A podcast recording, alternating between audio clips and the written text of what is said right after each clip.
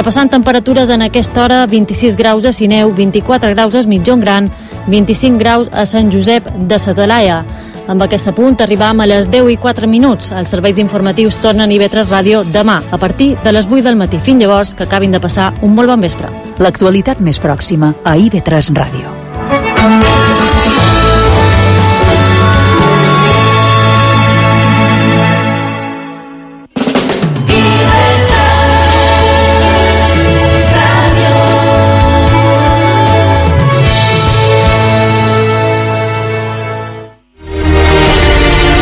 Cuando emprendas tu viaje a Ítaca, pide que el camino sea largo, lleno de aventuras, lleno de experiencias.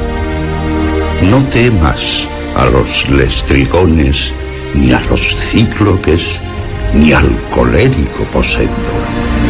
Seres tales jamás hallarás en tu camino si tu pensar es elevado si selecta es la emoción que toca tu espíritu y tu cuerpo. Ni a los lestrigones, ni a los cíclopes, ni al salvaje Poseidón encontrarás, si no los llevas dentro de tu alma, si no los yergue tu alma ante ti. Pide que el camino sea largo.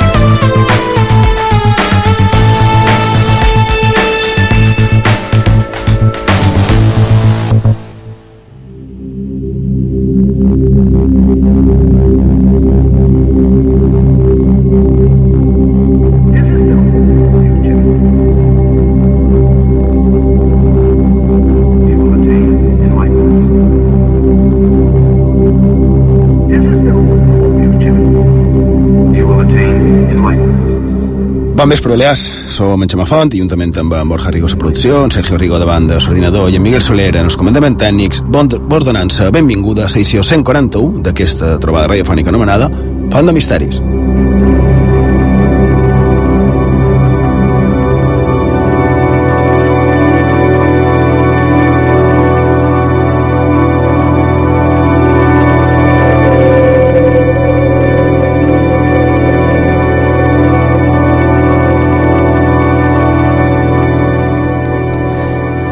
Bé, aquest és eh, l'abans darrer programa d'aquesta quarta temporada de Font de Misteris, programa 141, com hem dit.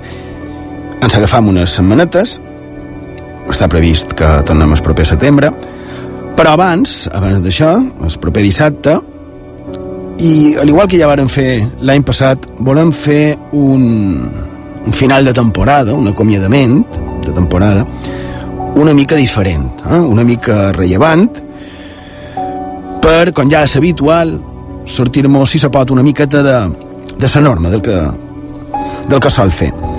Així que, si vos sembla, esteu pendents de les xarxes, perquè això ja s'està començant a moure, i en principi, el proper dissabte volem fer un, un darrer programa de, de temporada en, en públic, en presència, que amb vosaltres, eh? però probablement haurem de limitar el nombre de places, per això, abans, abans d'això, el que sí volem fer és eh, una mica un, un esdeveniment que, eh, que no tingui aquesta limitació. No? Abans volem convidar-vos de la mà de, de l'empresa rutesdepalma.com precisament a fer això, a fer una mena de ruta per la part més vea, més llegendari de la ciutat de Palma, en aquest cas. I allà estirem part dels que feim Font de Misteris i esteu tots convidats. Convidat vol dir que és totalment gratuït. La idea és veure'ns de ver les, les 7 de, de la tarda, del cap vespre, a Sant Eulari, i d'allà fer un, recor un recorregut tots junts i vessar aquest recorregut en les històries llegendaris, històries misterioses, no? I, i tot això que ho revolta, com dic, de la ciutat de, de Palma. I de pas, com no, pues, també podem aprofitar per, per conèixer-nos una mica més, perquè crec que també és una bona oportunitat de fer això que sempre deim, no? Una trobada.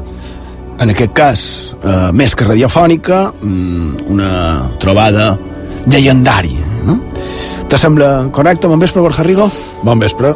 Bé, no? Te sembla... Una, és una proposta francament interessant i més que pot ajudar, com ja hem fet altres vegades, a, a conèixer-nos una mica els que estem aquí i els que, i els que estan allà i que fan possible que estiguem aquí. Eh, exactament. De totes maneres, dir que és vera que molt de, dels que mos escoltau ja han fet eh, trobades en petit comitè, mitjans missatges i, i semblants, clar, mos, mos contau coses, nosaltres vos contam coses, quedam, mos veiem, etc. I, és, i dir és això molt sí, agradable. Això, aquesta... això és la part més, més guapa de, de, de poder fer un, un programa com Font de Misteris. Això és ben cert, però el que sí que hem de dir, que crec que no ho han dit, que aquesta vegada la ruta s'irà a peu.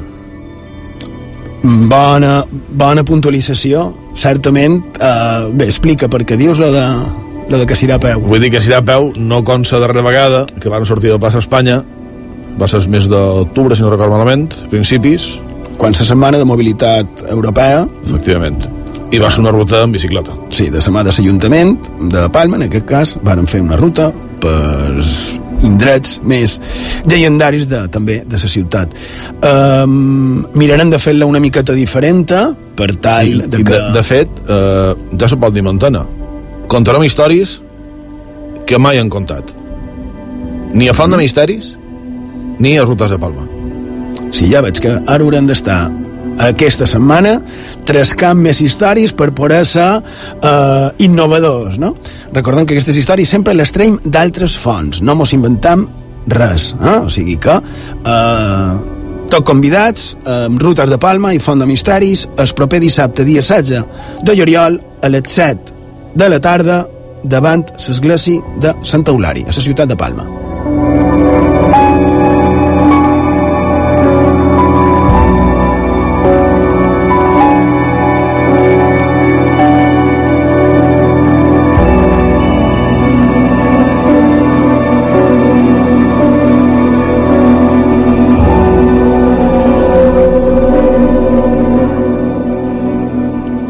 Bé, i després, sí, després eh, a les 10 del vespre començarem amb el, amb el programa, començarem amb el darrer programa de, de la quarta temporada d'un indret que estem del tot segurs que vos sorprendrà.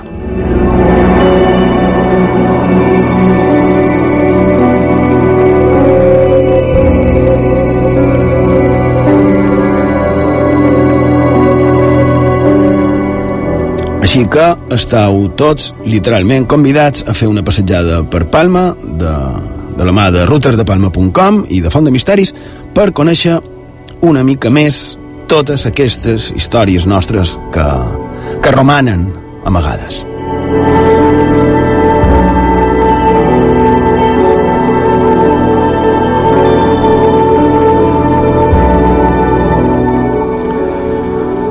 Que si vols, Sergio Rigo, bon vespre, com va? Bon vespre, Xema, ja tinc ganes de que sigui la setmana que ve. Sí, eh? t'agrada, sí, tu M'agrada també, molt, m'agrada molt. Per, a més, tu, que estàs sempre rere l'ordenador, es podrà tenir el contacte no? més, més directe. Diuen amb- que el contacte humà, tant en quant, és d'agrair.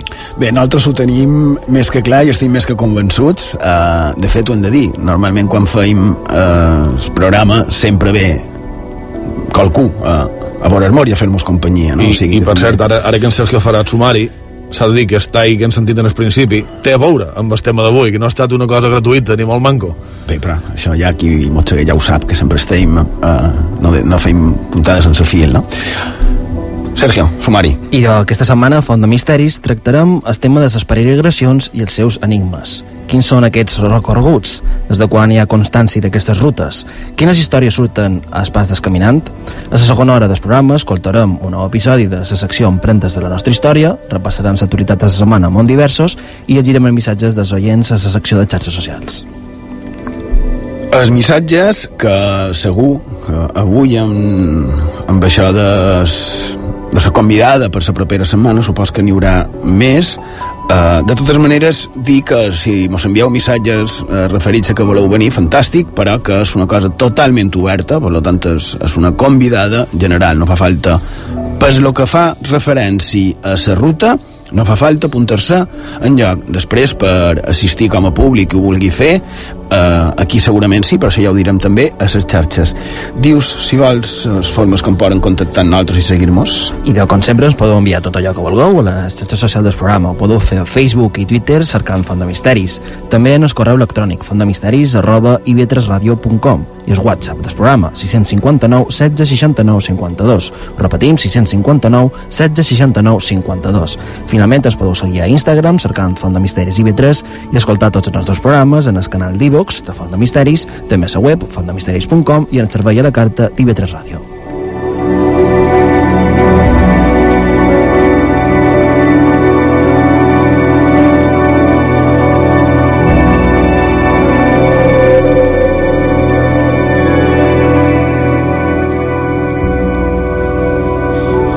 Bé, ara volia, volia comentar que seguim amb, amb un món que no, que no entendré mai no, no, no entendré mai que, que pensen aconseguir els, els terroristes no? amb els seus atentats i tampoc entendré com a Occident tampoc ho valoram de la mateixa manera no? que quan ens pega de prop la setmana passada a Bagdad aquell indret no? que no fa tant de temps era, era exòtic un indret tant de les, de les mil i una nits no? un, un punt de fantasia en Bagdad i ara hi ha eh, mort, destrucció, desolació no?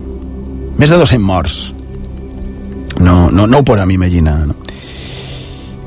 i just aquesta setmana que decidim fer un programa com ha dit en Sergio damunt eh, peregrinacions resulta que a un dels punts més importants al món com a destinació de pelegrins que és a Aràbia Saudita perquè per allà està la Meca i de, també allà ha, ha hagut atentats, no? La veritat és que no... Ja no ho entenc, supos que és normal que no ho entengui, perquè les coses sense sentit no es paren entendre.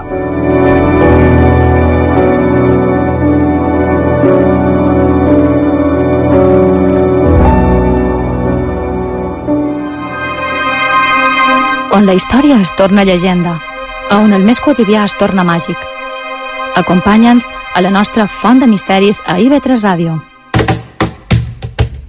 IB3, la ràdio pública de les Illes Balears.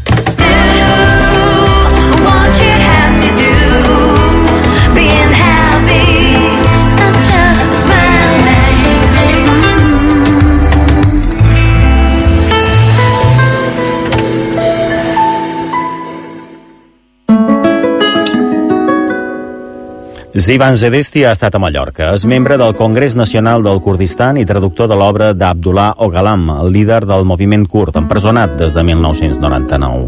Sentireu el seu testimoni al programa d'aquesta setmana, el testimoni de la lluita kurda. I donarem la benvinguda als infants de Bielorússia i Ucraïna que passen l'estiu a les Illes Balears gràcies a l'associació Parells. Són infants que pateixen encara les conseqüències del desastre nuclear de Txernòbil del 26 d'abril del 86. I felicitarem també a la Fundació de Xalles pels seus 30 anys fent feina per la inserció sociolaboral. Tot això diumenge a Flors en el desert de les 9 a les 11 del matí.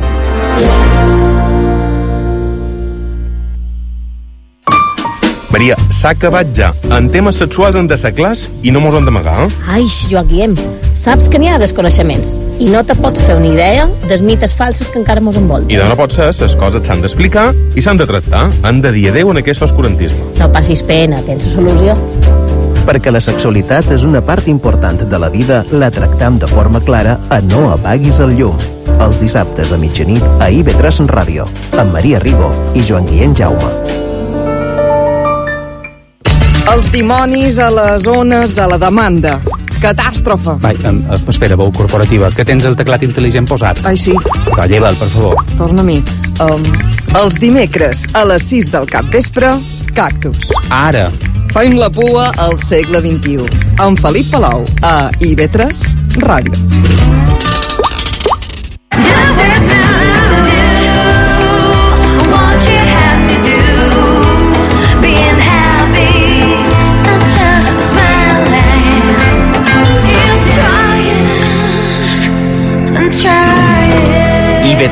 La ràdio pública de les Illes Balears. A IB3 Ràdio, Font de Misteris.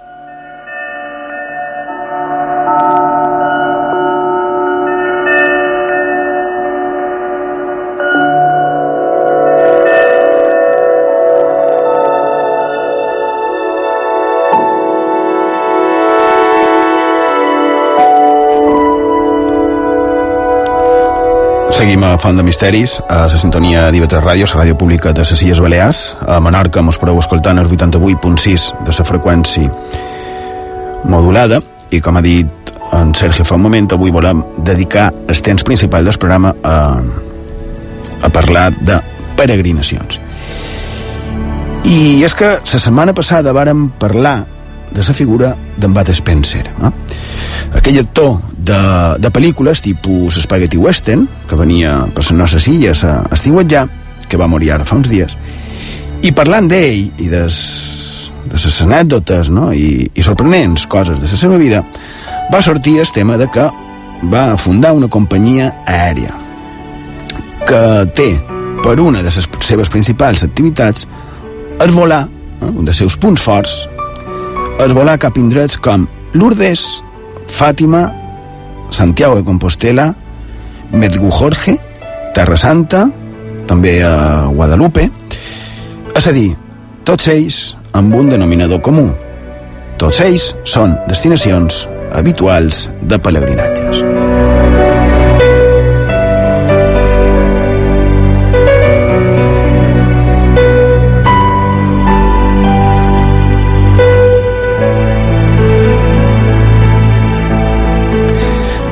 Coneixem molt, el Manco ho hem sentit anomenar i, i evidentment coneixem molta de gent que, que ha fet, que ha anat a Santiago Compostela. Clar, també Terra Santa, no? Després hem sentit també tots parlar de Fàtima i de, i de Lourdes, encara que no sé si tothom ho sabria col·locar a un mapa. Eh? Eh, no farem cap prova, però per si un cas, Fàtima es troba a Portugal, una mica cap al nord de Lisboa, i és on es varen donar, se suposa que va ser la Mare de Déu, que li va donar o li va transmetre a uns nins uns missatges apocalíptics, eh, profètics, no? d'aquest tipus, i fa deixar d'haver cent anys.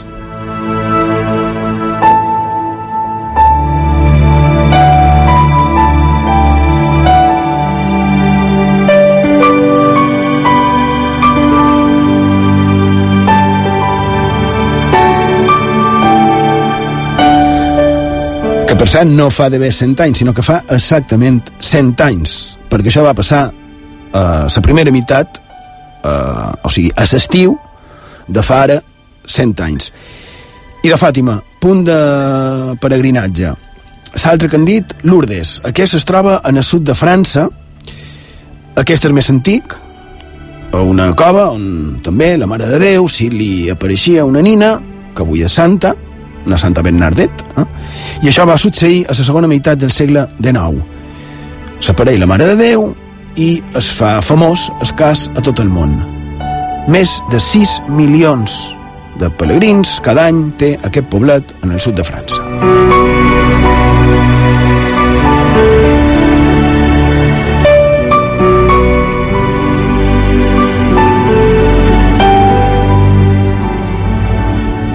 Sis milions a un petit poblet.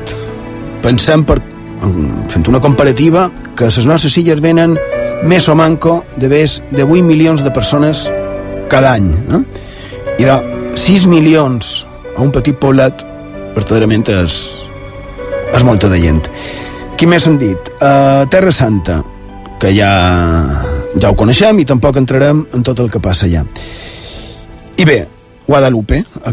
Aquesta fa referència a la Mare de Déu de Guadalupe, a Mèxic, on en aquest cas la Mare de Déu se li hauria presentat, entre d'altres, a l'actual sant, eh, en Juan Diego, allà per d'haver la meitat del segle XVI.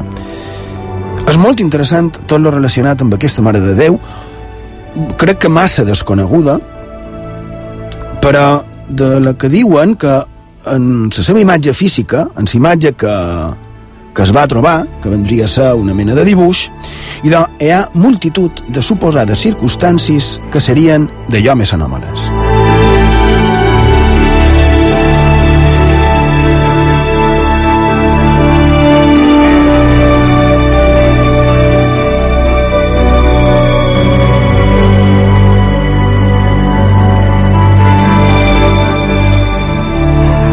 Incís, si vos sembla, a la Mare de Déu de Guadalupe, la Virgen de Guadalupe, Mèxic, també coneguda com la Reina de México i Emperatriz de les Amèriques. Eh?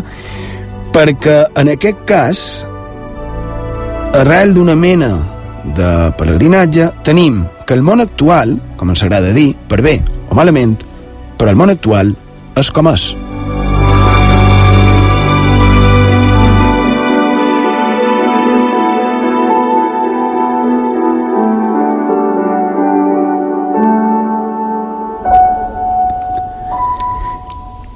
Encara que és molt important, eh? però a part d'això hi ha més motius per aturar-nos en aquesta figura i no en una altra les que hem dit, perquè aquesta té una sèrie de, de particularitats que la fan especial, molt especial i molt diferent a moltes d'altres, i que a més guarda relació amb la història llenca més recent. No? Més recent o, o bé, una mica més antiga. Resulta, a veure, que en Juniper Serra, també sant actualment, i un dels pares de la pàtria nord-americana, com varen veure en el seu dia, i d'aquest nou sant de l'Església Catòlica, evangelitzador perdó, i viatger, quan va anar a Amèrica, en el segle XVIII, ho va fer en vaixell, evidentment, no hi havia moltes altres opcions, no? 99 dies de viatge, que sovint mm, podrien ser molt més, per mort de les corrents marines, vents, tempestes i, i semblants. Els darrers dies d'aquesta travessa varen ser funestos, tant per ell com per la resta dels embarcats, en aquell vaixell, no? Això era l'any 1749. I quin era el nom d'aquell vaixell? Nuestra Senyora de Guadalupe. És a dir, aquí varen encomanar la protecció d'aquell vaixell que va dur en el pare Serra, en el pare Palau, i d'altres també, franciscans, i d'altra gent en aquelles terres americanes. I doncs això, a la Virgen de Guadalupe.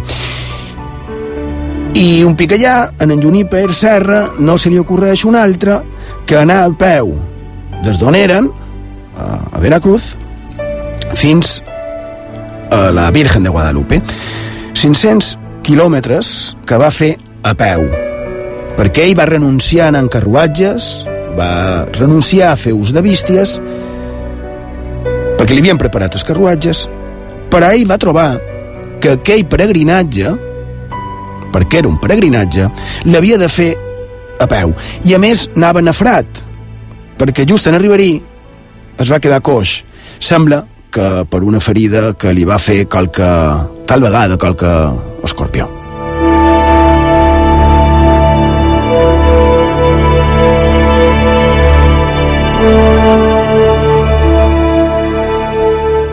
Arriba al santuari després de 20 dies de caminar, nafrat, com han dit, caminava de més 25 quilòmetres diaris i arriba en aquest santuari on era aquesta Mare de Déu de, de Guadalupe. Això era el 31 de desembre de 1749 i davant d'aquesta imatge es va passar la nit pregant. El dia següent van celebrar missa ja mateix Aquí la curiositat fa que Juniper Serra, la darrera missa que va fer, que va celebrar davant d'una imatge d'una Mare de Déu a un santuari, va ser en el santuari de Bonany, a Silla de Mallorca, no? Això és curiós perquè també hi ha hagut moviments de, de persones que diuen que haurien d'allermanar-se aquests dos santuaris. El santuari de Bonany, a Mallorca, amb el de la Virgen de Guadalupe a Mèxic, no? I està clar que per a Juniper Serra, sant i, i mallorquí, com a mallorquí tal vegada el més influent i amb més transcendència, no?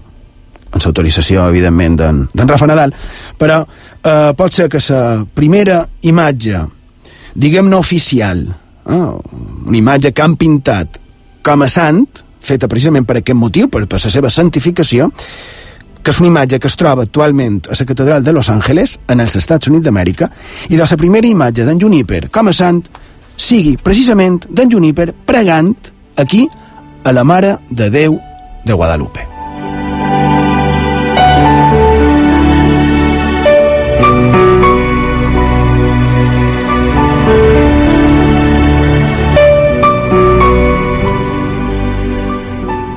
També, vinculat amb aquesta devoció d'en Juniper a la Mare de Déu de Guadalupe, a Jalpan, eh, que és un poble de Mèxic, a la façana de l'església, des de mitjan del segle XVIII, hi ha dues imatges, la Mare de Déu del Pilar i la Mare de Déu de Guadalupe, en dues, elles, patrones nacionals dels seus dos estats que varen confluir amb en Juniper a la seva arribada a Amèrica. Tot això crec que és interessant i curiós, no? Que per cert també, una altra anècdota, Jalpan va baratar el seu nom. No és, és, ja no és Jalpan, es diu Jalpan de Serra, eh? precisament en honor en aquest sant illenc, i que a més, aquest Jalpan de Serra, Mèxic, està germanat amb el municipi illenc de, de Petra, no? que, que en aquest cas, clar, és un punt de peregrinatge d'allà cap aquí, no? També estic segurs que de cada vegada us irà, us irà més per per aquestes eh, com dir-ho, no? per, per aquestes iniciatives com la d'Espiritual Mallorca no? que, que promou aquest tipus d'activitats i més si un escolta que volien agermanar eh, amb el santuari de Bonany no? darrer en, on va celebrar misses pare Serra no? I la Mare de Déu de Guadalupe, primer a terres americanes, on ho va fer i no pens en absolut que si fos per, per casualitat. No? Bé, el que dèiem, aquesta figura de la Mare de Déu de Guadalupe, que li va donar tantes forces no? en aquells pelegrins balears que en el segle XVIII emprengueren aquell camí. I d'aquesta imatge és plena de misteris, dins la mateixa imatge. Què tenim en el darrere de tot això, Borja Rigo? I doncs sí, crec que és, interessant conèixer com comença aquesta, aquesta devoció per una, una verge tan, tan important, el que has dit tu, s'han perdut les Amèriques, ni més ni manco. Mos quedem a Mèxic i anem en el dia 9 de desembre de 1571. Concretament, la capital, Ciutat de Mèxic, eh, que llavors era Tenochtitlan encara, que era la capital d'un imperi azteca moribund, podríem dir. A la petita muntanya de Tepeyac, només 40 metres d'alçada, se trobava el que seria un dels grans protagonistes, si no el més gran protagonista d'aquesta història, que era Cindy Juan Diego. Era un dia normal i corrent, i, evidentment, com sempre passa en aquestes històries, res fa imaginar el que hauria de, de succeir. De cop, en Juan Diego va començar a escoltar el que ell mateix va afirmar que eren càntics celestials.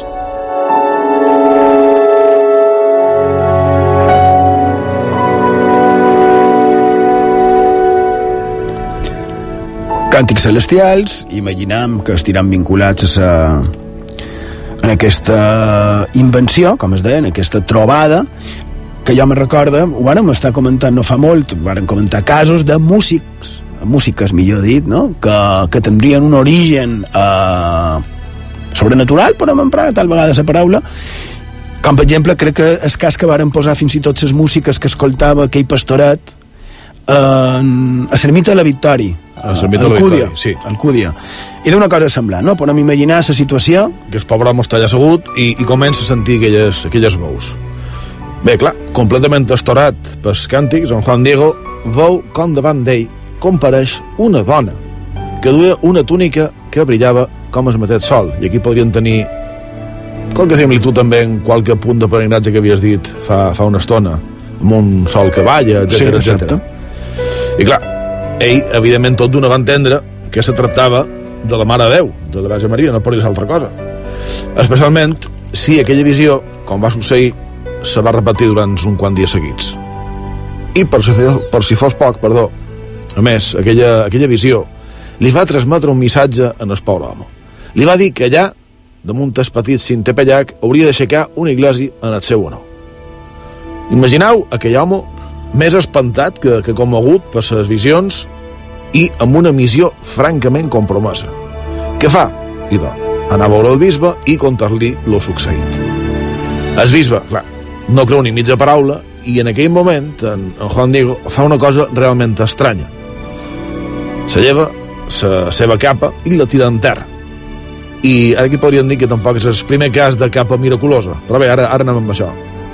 En aquella capa feta de, de Maguei apareix una imatge com a pintada de la Mare de Déu, la mateixa que en Juan Diego havia vist a la muntanya.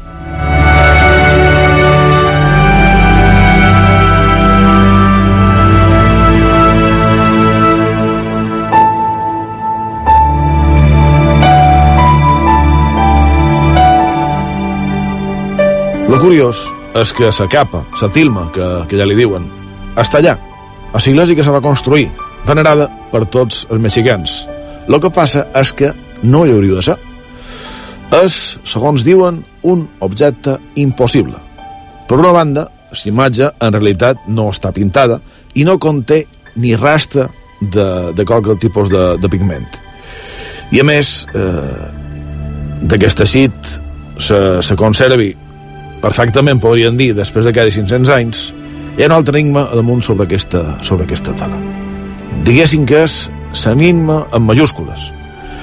I podríem dir, a més, que té a veure amb els seus ulls. Però eh, abans d'això, eh, la particularitat de la tela, o de, o de on està, mm, no sé com dir plasmada aquesta imatge, eh, sembla que se varen fer s'han anat fent proves de teixits eh, fets exactament igual com estava fet la capa d'en Juan Diego i normalment al cap de 8 anys només 8 anys ja comença a deteriorar-se de manera bastant important i, i, i bastant visible no?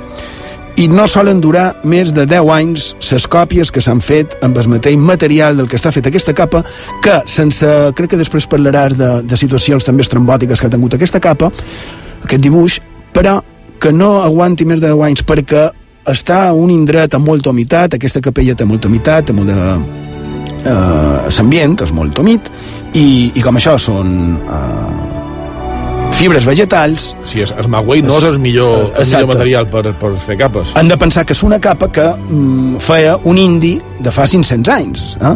I també una altra particularitat que diuen que té és que la part... Eh, hi ha una cara i, i, i, i la part de darrere, no?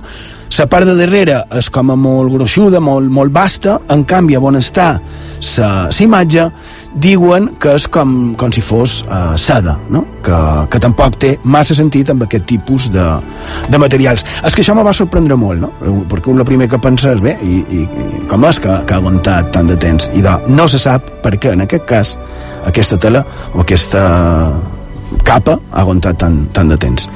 Mm, podries fer lo de lo que...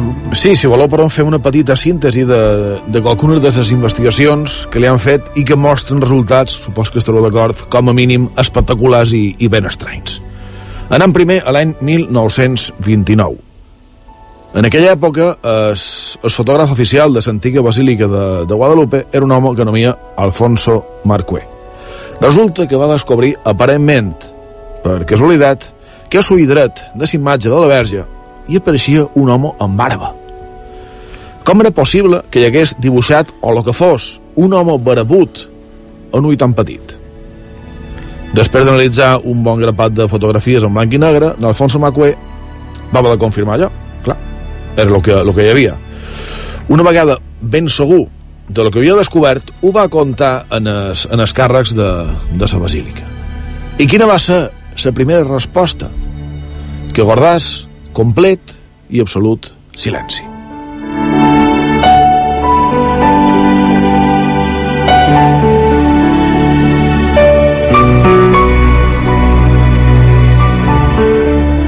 Ara anem més endavant en estens fins a l'any 1951, no fa tant.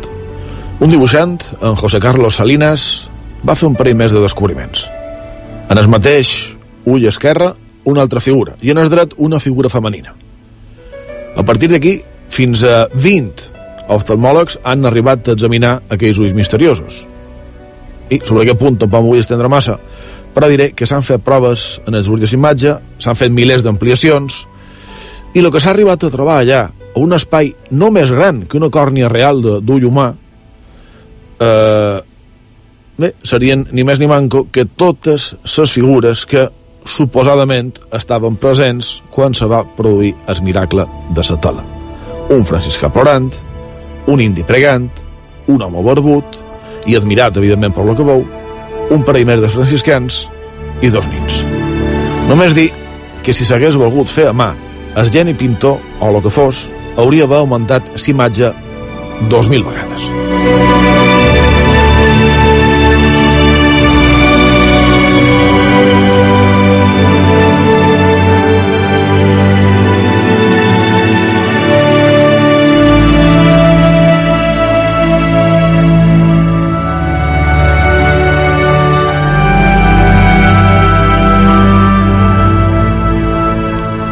És ben cert, ara ho han dit amb un segon fora de, de micròfon, és, és mal de percebre, sobretot si no fas unes ampliacions realment grans, per això, precisament, però que fa que sigui més misteriós encara. Però bé, si voleu, per concloure, eh, queda l'aire la qüestió de que cinc segles després, ara ho dèiem, se conserva igual de bé.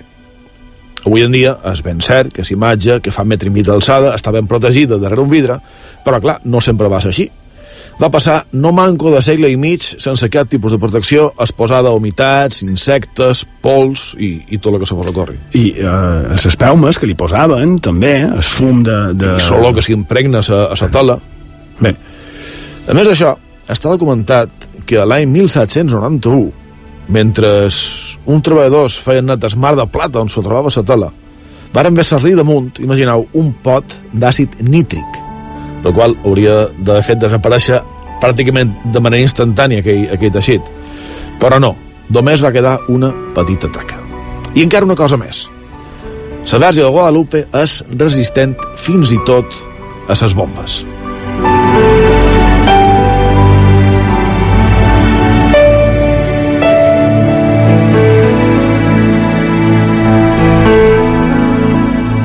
Ara fèieu cara de, de no saber ben bé què anava a contar, però, però és molt interessant. Dia 14 de novembre de 1921, el Luciano Pérez se va acostar a la imatge i entre les flors que li va posar als seus peus hi havia ben a vegada una bomba. I què va passar? I doncs que l'explosió va ser realment aparatosa, clar. Però, bueno, ara, ara veurem.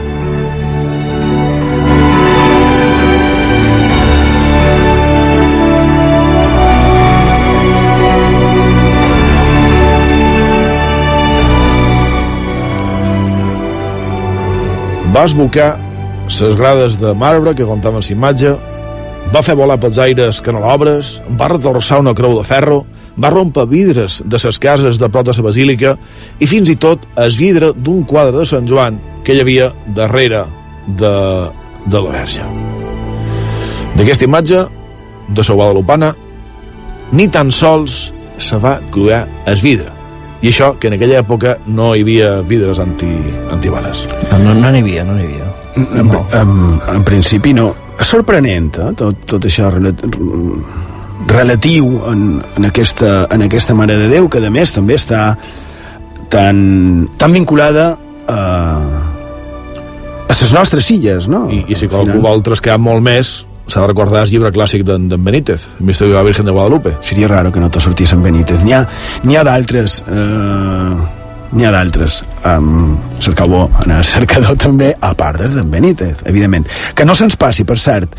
L'altre dia, mm, parlant amb en, amb en Xisco García, varen comentar precisament el tema des, des peregrinatges i les curiositats i relacions que hi havia en sa, en sa Mare de Déu de, de Guadalupe, no? Un, un misteri en si mateixa, ja, ja m'ho s'ha mostrat en, en Borja.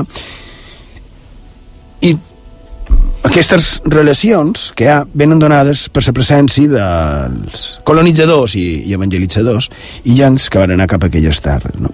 que a més varen fundar diverses missions, fins i tot ciutats, allà a Califòrnia. I com sempre tot està relacionat, en Xisco ens vol comentar una, una pel·lícula, com a expert en cinematografia, que precisament transcorreix allà. Terres que estan relacionades, com no, amb el pare Serra. Que ens conta en Xisco?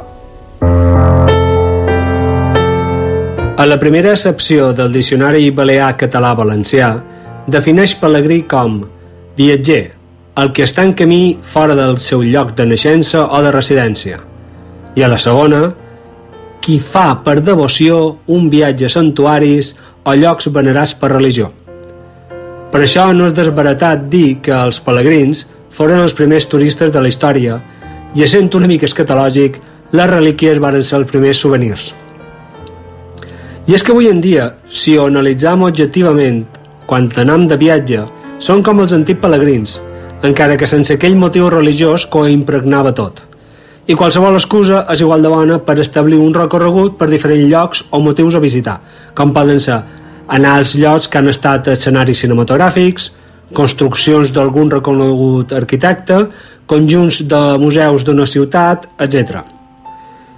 I és el motiu d'aquest nou tipus de pelegrinatge del que vos vull comentar la pel·lícula que he escollit aquesta setmana i que es titula Entre copes, estrenada el 2004. En ella ens trobam a dos amics de la infantesa, un a Sant Miles, professor de literatura, escriptor sense obra publicada i amb una depressió que fa més de dos anys que li dura des del moment en què es va divorciar.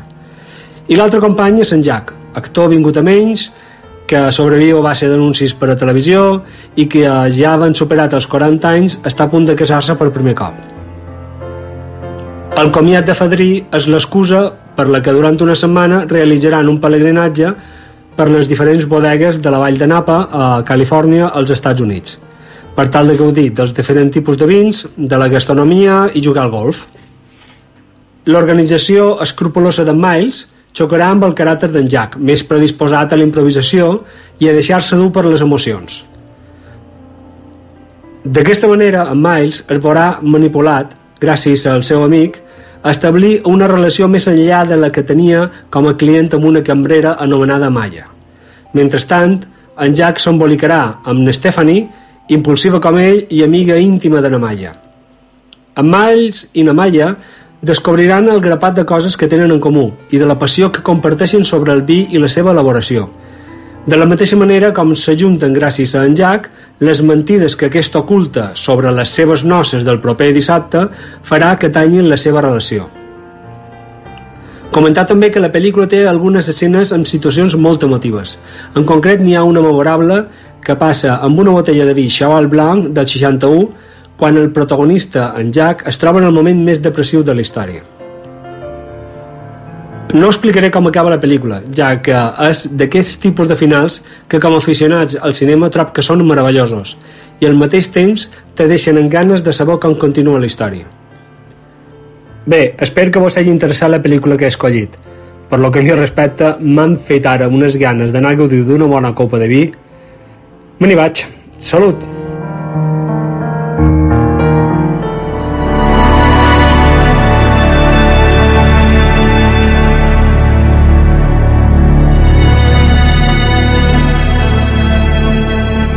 Interessant. I, a més, a, a Califòrnia... Per cert, en, en, en el Cisco li agrada més el cine o el vi? El cine. El cine, li agrada més el cine. Uh, I de Califòrnia uh, tenen un riu que, que està relacionat també amb, amb el tema de, dels vins, que és eh, de Guadalupe Ruiva, que precisament es diu Guadalupe perquè quan va arribar el pare Serra li va posar el nom de Guadalupe i que diuen, diuen que eh, quan el pare Serra va arribar allà va dur perquè el pare Serra era de Petra, era pallès, va dur cap allà llavors, no? va dur llavors i, entre d'altres, de rem. És a dir, que aquests vins que mos ha comentat en Xisco d'aquesta pel·lícula són allà perquè un dia va néixer a les nostres illes el Pare Serra. I ja aquí som, parlant de vins, per vins, els vins balears.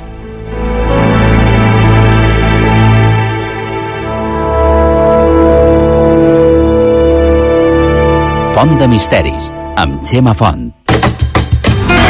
You know you want do, do, do, do, do, do, do, do, do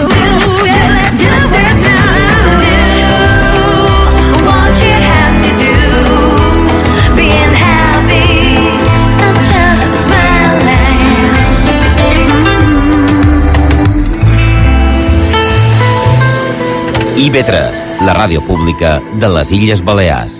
M'he aixecat amb ganes de cercar la llibertat, de posar-me xandall i deixar d'estar aturat, agafar-se a velo i bugar a contravent, ser capaç de creure que pots el meu millor intent. Dilluns a les 6 del capvespre, feim quilòmetres. Fent quilòmetres amunt i avall, Amb Joan Martí i Mercè Valero. allà on les coses passen quan corre. Fent quilòmetres amunt A IB3 Ràdio. Música se sent, es comenta, es compara, es punxa, es digitalitza, es balla, es veu, se segueix, s'odia, se silencia, se socialitza, es comparteix, s'estima, es recorda, s'oblida, es descobreix, s'investiga, s'estudia, s'escriu, s'esborra, s'enregistra, es toca, s'interpreta... I tu, escoltes música?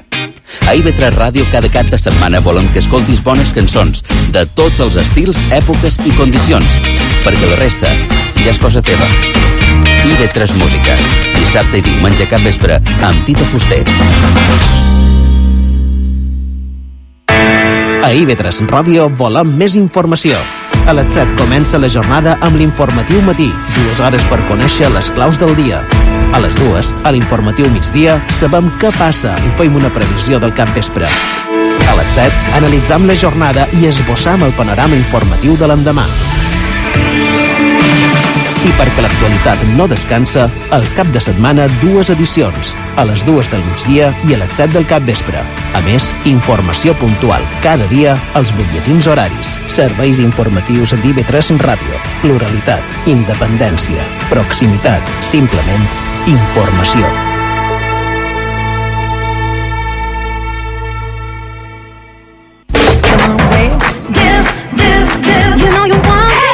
IB3, la ràdio pública de les Illes Balears.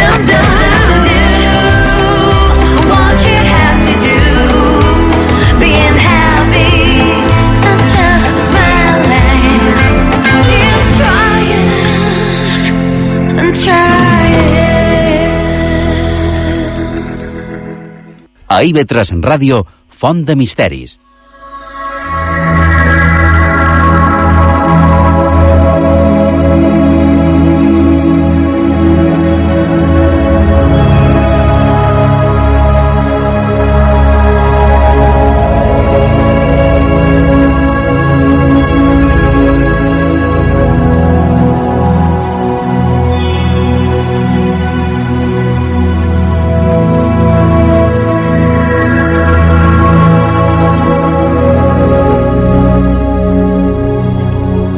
A Font de Misteris, a la sintonia d'IV3 Ràdio, la ràdio pública de les Balears, a les Pitiuses, i Formentera, mos podeu escoltar el 93.7 de la freqüència modulada.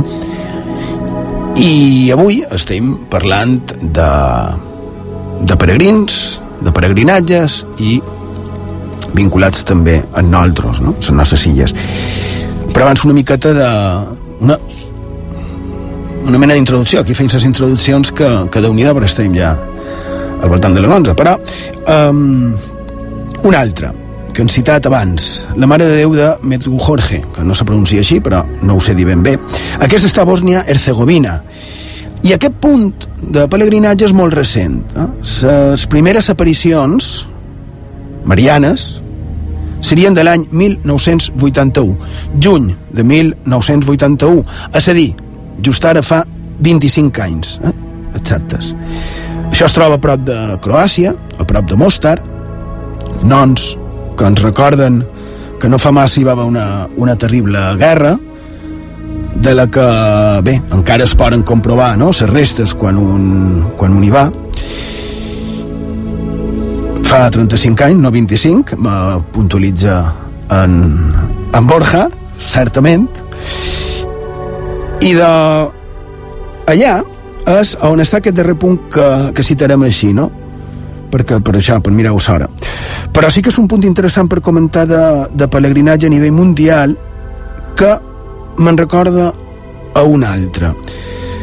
Mm, que ningú no s'escandalitzi ara per el que diré, però fa d'haver 30 anys, a Silla de Mallorca, també es va començar a produir un fet semblant, no?, d'aparicions marianes. Encara que en aquest cas des d'aquí se va entear de cop. Això va ser punyent, eh? Però aquestes, de Bòsnia i Herzegovina, segueixen a dia d'avui. Encara que pens que els que manen damunt d'aquestes coses encara no, no s'han pronunciat. Ho dic pel Vaticà. Bé, és que sovint ha aquestes curiositats que un es queda una miqueta com a, com a perplexa. Dimarts passat, aquest dimarts d'aquesta setmana, jo estava cercant informació damunt d'aquest punt de, de pelegrinatge tan, tan important no? per aquestes aparicions marianes i vaig estar cercant què deia el Vaticà damunt d'això. Això dimarts passat.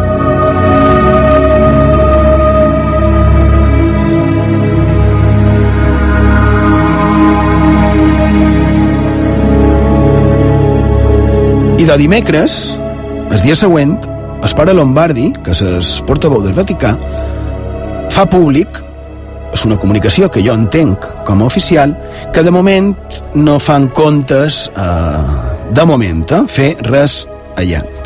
Uh, ni neguen ni, ni afirmen, però de moment no saben ben bé, sembla que és el que han de fer.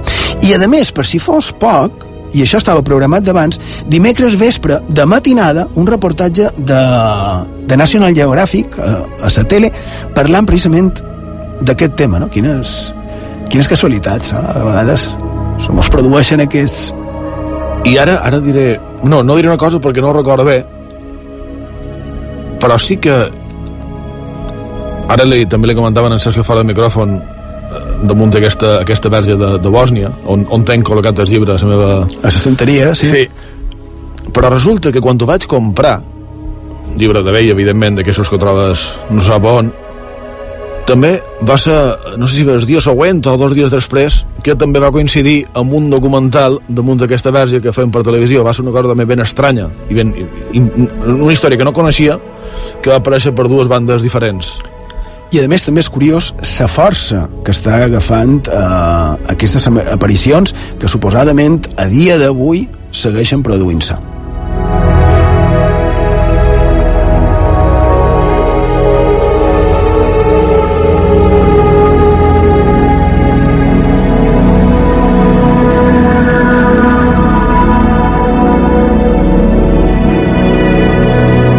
Bé, tot això que, que han comentat fins Va ser al revés. Va ser al revés, vas veure primer els I documentals... el dia següent vaig trobar justament aquest llibre.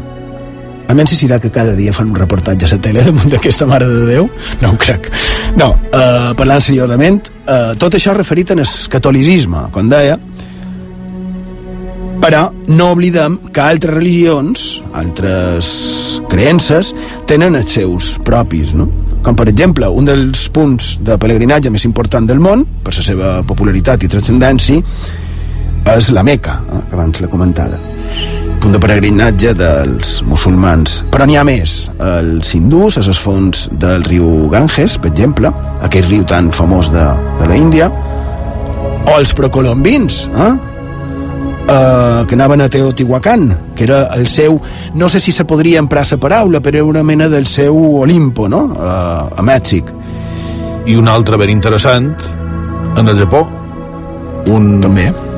Un camí que seria l'equivalent, diuen, el camí de Santiago, però de, del Japó, que són 1.200 quilòmetres de recorregut per fer en 40 dies i on se visiten 88 temples. 1.200 quilòmetres en quant de dies? 40 dies. 40 dies. Es doble de lo que va fer es pare Serra exactament quan va anar a veure a la Virgen de Guadalupe.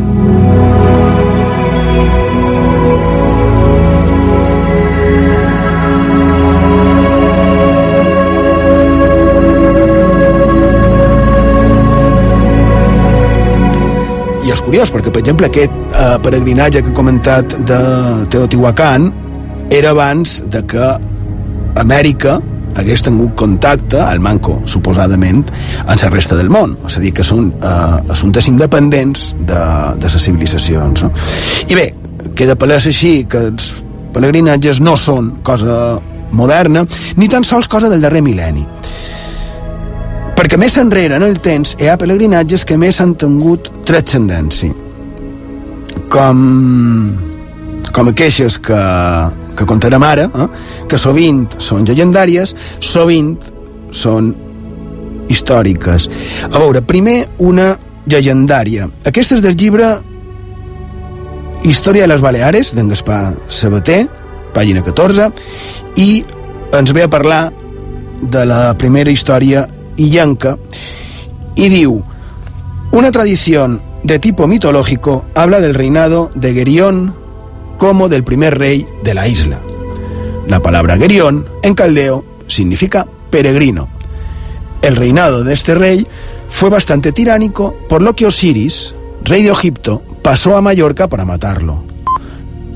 Los tres hijos de Gerión vengaron la muerte de su padre matando a Osiris. Vuelto a la vida este último, alióse con Hércules, dando muerte a los tres hijos de Gerión y arrasando la isla. Los primitivos isleños achacaron esta lucha a la codicia y al amor desordenado hacia el dinero, por lo que enterraron sus riquezas y las aborrecieron. Esta tradición, pese a su fantasía, tiene una casi confirmación en la actitud de los honderos, los cuales desdeñaban el dinero y se contentaban con vino, mujeres y otros objetos de utilidad.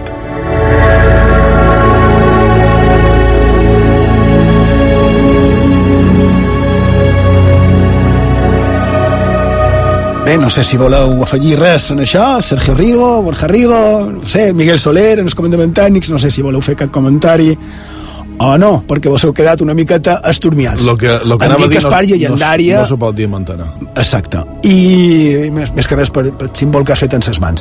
Uh, L'autor mos deixa clar que parla d'una tradició de tipus mitològico i ja han dit que és una llegendària, no? I fascinant, com sempre dic. Com sempre, com sempre, no? Però... I una altra prova, que també sempre deim, de que les Balears ho tenim absolutament tot. Ho tenies, verà? Ho tenim I res d'illa de la calma. Res de l'illa de la calma, de més parla de que va ser arrasada, imagineu Bregues, Osiris, Nèrcules arrasant Mallorca... I, i, i tornant en això, en això que, que llegies d'en d'en Gaspar Sabater, imagineu la imatge de tres mallorquins, com diu, matant a Osiris. Sí, i tornant a la vida en Osiris i, i juntant-se en Hèrcules per venir... Bé, uh, bé en, en qualsevol cas, queda, crec que queda clara la importància, no? Perquè, a més, el, el nom d'aquest uh, primer rei era el Pelegrí. Mm, bé, de totes maneres, sí que segueixen Gaspar Sabater dient que poc se sap dels primers pobladors de, de Silla, en aquest cas de Mallorca, però si idea de que tres sillens, com ha fet puntualització en Borja, fossin els que mataren a, a Osiris, en aquella deïtat egípcia, quasi res.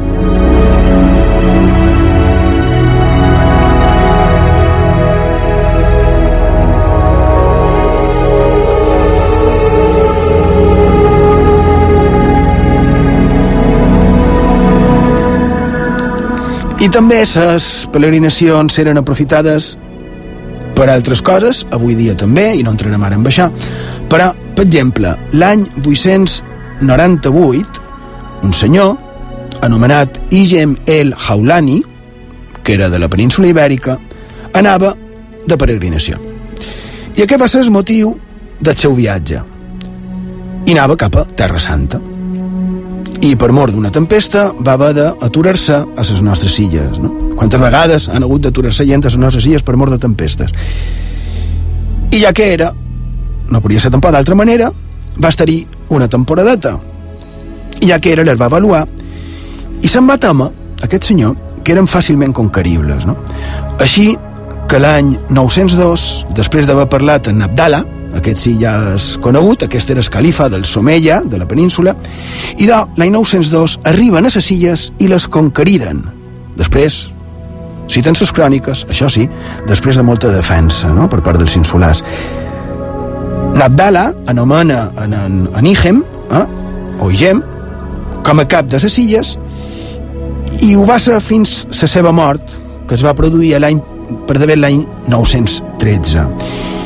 I com que ja eren aquestes eh, unes terres musulmanes consolidades, per succeir-lo, el poble va triar en el seu fill. Que, per cert, sabeu com va acabar el seu fill, lo darrer que se sap, i de que se'n va anar, com son pare, de peregrinatge en els Sant Jocs. Però ell va desaparèixer i no se va tornar a saber res més d'ell. El manco així ho conta història. El cas és que per mort d'una peregrinació 300 anys d'història i de cultura musulmana.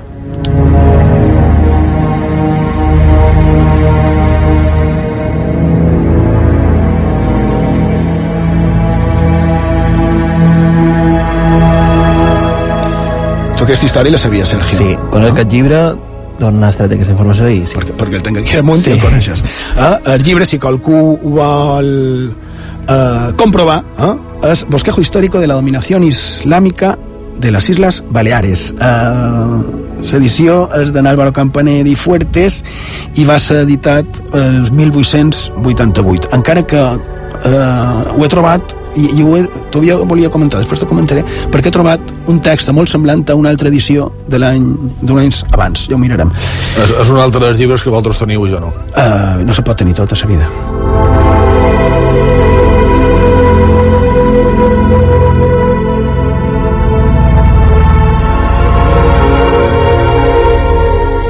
Bé, i així amb gairebé totes les creences i clar, les nostres illes també ho havíem de tenir, és a dir, havíem de tenir els nostres punts de pelegrinatges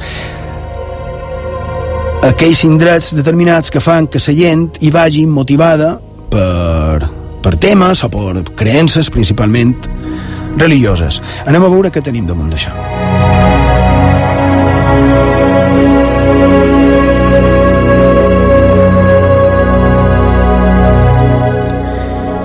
I d'una destinació d'aquestes peregrinacions antigues, molt antigues, i també crec que desconeguda, es donaria a Cala Coves, a Menorca, un d'aquest paratge natural de les nostres illes, on hi ha gairebé constància històrica, hi ha molta bibliografia en el respecte, eh, estem parlant d'una necròpoli, una necròpolis protihistòrica, més o manco mil anys abans de Crist, amb una constant ocupació al llarg dels segles, eh? fins i tot tenia una murada de l'època teleiòtica, i on s'han trobat restes que confirmarien que aquest petit punt de la nostra geografia era destinació de peregrinatge a l'època romana. Tant és així que varen habilitar un accés per la mà, per poder arribar allà. Però el que, més, el que més m'ha sorprès de, de tot això és que això era així des d'abans de l'arribada de la romanització a les illes. És a dir, abans de que en Cecilius Metellus, aquí conegut com a es Balear, arribés a les illes l'any 123 abans de Crist.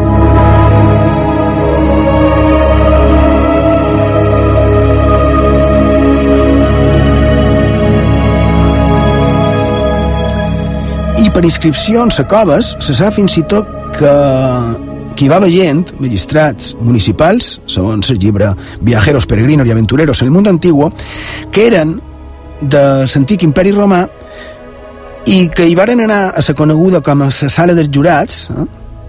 i varen anar un grapat d'anys i també se sap per les inscripcions que s'han trobades que hi anaven l'11 de calendas mayas és a dir, dia 21 d'abril el nostre 21 d'abril que era una festa important a l'imperi perquè es commemorava la fundació de Roma i clar un es demana mm, per, per què allà, no? Perquè a un punt on ja hi havia hagut assentaments anteriors, ja han dit que era un, un indret teleòtic, no? mil anys abans de crisi, i aquí estem parlant de més tard, no?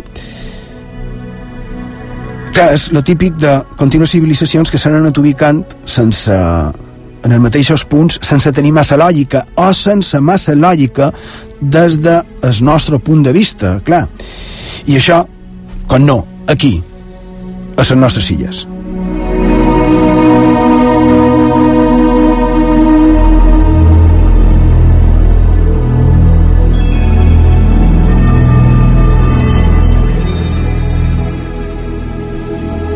Bé, veiem que, que des d'antic es duien a terme no? peregrinacions i tant és així que fins i tot estava eh, estipulat hm?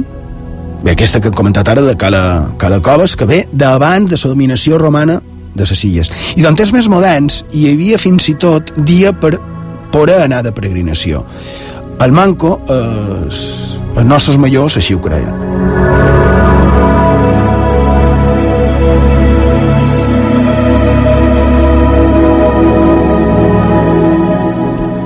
al, al llarg del temps eh, gairebé tot s'ha pensat, no? Després està que, que, que, que ho sabem, que ho recordem o que ho oblidem. Però fins i tot per, per quan havia d'anar-se de pelegrinatge. És a dir, si no és per un dia determinat, per una causa determinada, quin dia s'havia de triar per anar de romeria o de, o de pelegrinatge? Bé, també, de viatge.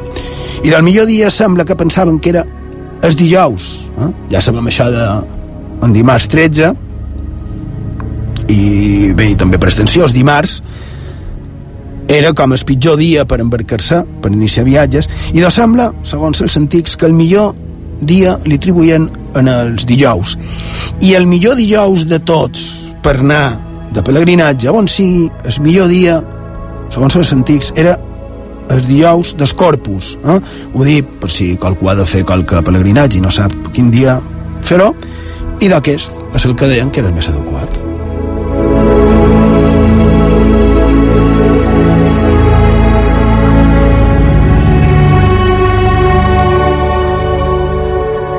Què dius? Que el Corpus és un bon dia per, per partir, però ara que fet referència en el, en el tema de romeries i peregrinacions i de, tradicionalment és curiós comentar també la classificació d'aquest tipus de, de viatgers els pelegrins serien els que van a, a Terra Santa els romeros serien els que van a Roma i els que fan el camí de Santiago serien els concheiros que és un nom que ha quedat en desús, en desús però que és francament significatiu de, de sa figura d'aquestes persones M'ha agradat lo dels els romeros, no? De, dels que van a, a Roma. Eh? Com devien dir els romans, els que venien cap a les illes balears de, de romeria o de peregrinatge, no? Curiós. Um, bé, també tenim que, seguint amb el tema, que sembla que a Mallorca, ja per segle XIV, així es deia el Manco, hi havia un hospital de sordre de Sant Joan de Malta. I quina era la particularitat d'aquests hospitals, d'aquest ordre? I del que eren per acollir peregrins. Eh? Sí que això voldria dir que devia haver un bon moviment de, de gent, no ho sé, no ho sé. Seguim a Menorca, que estàvem en Calacoves i fitxa, mos hem anat a Roma, hem tornat... Bé, um, el rei en fos tercer, aquesta és la història que varen contar d'en Cabrit i en Bassa, i de, els hi va prometre en els antonians que els hi facilitaria per fer un convent, però no va ser així. Es va atorbar una mica de temps a fer-se aquest convent perquè de l'any 1287, que va ser quan aquest rei, en fos tercer, va arribar a Menorca, i de fins l'any 1709 aquest convent no es va dur a terme. I aquell any, dos monjos antonians, que anaren des de Palma, es varen instal·lar allà. L'any 1752 era casa i hospici de Sant Antoni de Viana i es dedicava, a part de per a cuidar malalts, eh, també es dedicava allotjament de peregrins. Això a Menorca, és a dir, un centre d'allotjament de peregrins, que a dia d'avui, clar, ens podria resultar sorprenent, no?, segle XVIII, un centre de, de peregrinatge. Bé, ara no mos ha de sorprendre tant perquè ja sabem que fa 2.000 anys ja era un centre de peregrinatge a Menorca en si mateixa, no? Però ens confirma, sem dubte, que el tema del peregrinatge no és un tema eh, modern i que realment eh, ha tingut molta importància aquí, no?, a les nostres illes.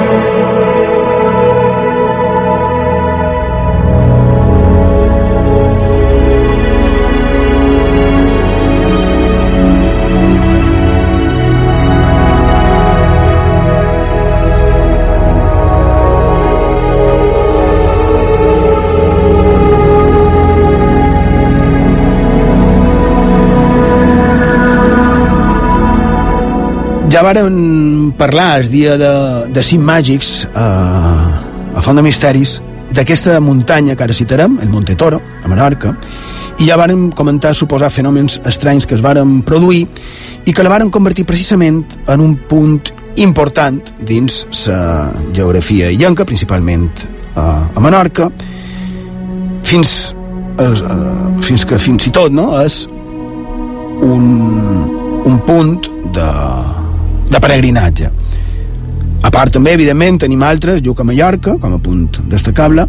No crec que ja mos doni temps, ja dic que no mos donarà temps de parlar de, de Lluc. ho saps tu, ho saben altres Sí. i els oients probablement també. Sí, i mira que, que la idea inicial del programa era parlar de, de Lluc, però perquè més Lluc és punt de peregrinatge va ser punt de peregrinatge de totes les illes. Bé, és igual, seguim. Monte Toro.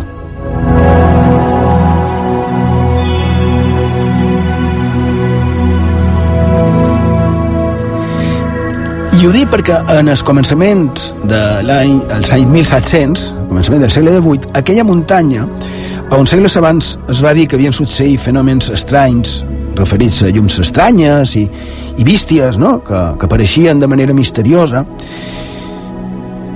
i d'allà dalt, fa 300 anys, ja hi havia un centre de recolliment de pelegrins. I, a més, això no sé si ho varen comentar en el seu dia, antigament sembla que el Monte Toro era independent, és a dir, no pertanyia a cap municipi, no? O bé pertanyia a tots, segons la miri, clar.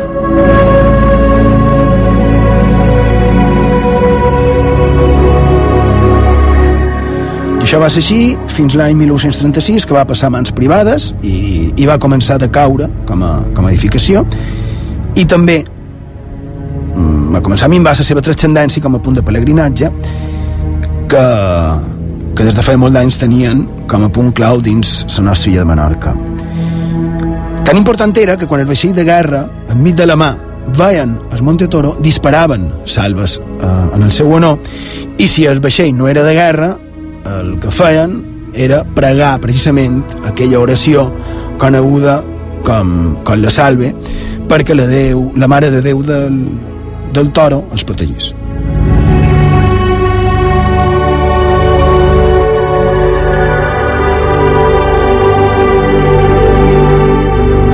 I com no podia ser d'altra manera, moltes peregrinacions anaven associades a qualque promesa, promeses fetes o bé per aconseguir un favor de, de qualque divinitat, per agrair eh, qualque fet, o l'absència de qualque fet. I és curiós com això es pot repetir a tantes cultures i a, i a tant d'indrets, no? Imagina que és perquè de sempre l'espècie humana ha tingut aquesta necessitat no? de, de creure en qualque cosa.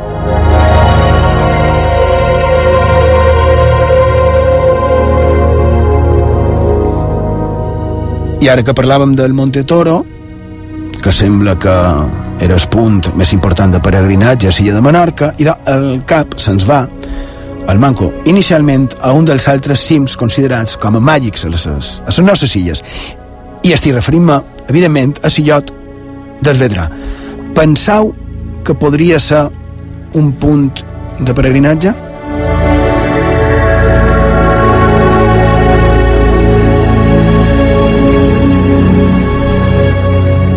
Has fet una afirmació en so cap rotunda, Borja Rigo. Rotunda per eh, gegants, llums, dames de blanc, eh, coses estranyes. Hi ha, cosa, hi ha cosa per veure. Val? I tu, tu què dius? També. Que també. Bé, i de... La veritat és que el rondellístic i la tradició conviden a fugir del Vedrà. Ja al seu dia ho vàrem estar comentant. Fins al punt eh, que deien que si hi havia qualque gosserat que arribés en el seu cim, ara vos en recordareu i direu, oi, ara, ara estàs posant la cara d'esvera. Si arribaves en el seu cim, el teu sexe canviaria de cop. És a dir, si eres dona i pujaves en el vedrà, quan baixessis t'hauries convertit en homo i és al revés. Uh, la llegenda deia que era de manera real, eh? no de manera metafòrica, no, no, real. I també, també ens parlen les velles llegendes de reunions de bruixes allà dalt, de monstres, també de bísties, de gegants que ho habitaven, no?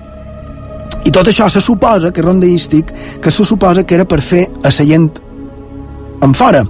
Així que no sembla que fos el manco, en la meva opinió, aquí discrepam, Borja, no sembla que fos un punt de peregrinatge com a tal.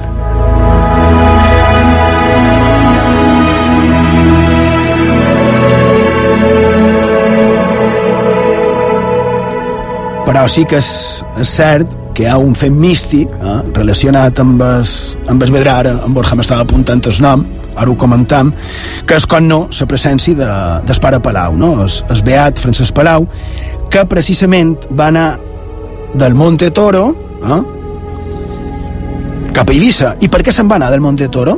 Perquè va pensar que no era un indret massa aïllat per retirar-se, així que va triar es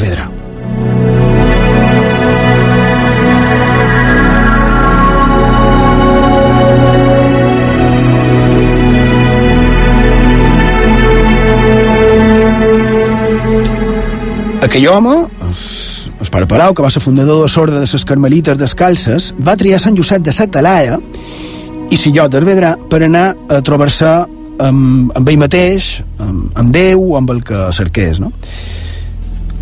Diuen que va tenir experiències místiques, amb aparicions de llums, aparicions de qualcú que ell va identificar la Mare de Déu, això no es vedrà.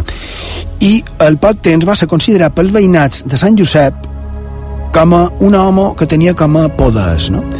Fins i tot el pare Morth, eh, l'actual exorcista de, de Roma, i de, el pare Palau també era exorcista, i de, en el pare Morth li sembla un home molt interessant com a tal, no? és a dir, com a home capaç de fer rituals per treure's maligne o per poder desfer de possessions infernals, no? Això no és capellà italià. I curiós, perquè el poble ja ho sabia fa 150 anys. I aquest pare Palau, quan no era en Hervedrà, també vivia aïllat del món. No? Aquesta era la seva pretensió. I ho feia a la costa, a vora la mà, a un punt impressionant i preciós de Silla d'Eivissa, i aquell punt, aquella petita ermita, amb, amb ell en el seu camp davant, es va convertir, quines coses, en un punt de pelegrinatge si és que han de creure, aquí com sempre, si han de creure el que ens deia l'arxiduc, perquè ell ho va viure, ell sembla que el va conèixer, i diu l'arxiduc, l'arxiduc i Salvador, volum 3 del Balearen, diu, en la parte más exterior de la desembocadura de dicha vaguada se encuentra la iglesia de Escubéis, puesta bajo la advocación de la Santa Virgen. Si no m'equivoc, va ser posada baix advocació de la Mare de Déu del Carme. Eh? Per cert, 16 de juliol, dissabte que ve, és el, el seu dia, i eh, ens descriu una mica l'ermita que per aquell temps encara s'estava construint, encara no estaba acabada. Se trata de una edificación sobria y muy parecida a todas las de su clase, con tres capillas en arco de medio punto a cada lado del interior de la nave principal, todavía por techar. La capilla del altar mayor, ya en uso, queda cerrada por una verja de madera. I ens parla de com es va fer l'ermita queixa, no? d'on van sortir els, els doblers, els sous. Pensem que el pare Palau va morir l'any 1877 i l'arxiduc 10 anys abans ja era per les nostres illes. És a dir, que sembla com si ho hagués vist o viscut en primera persona. I diu, el templo ha sido construido con piadosos donativos y por iniciativa de un cura catalán, que en una casita minúscula, muy próxima al mar, vive en una auténtica vida de ermitaño.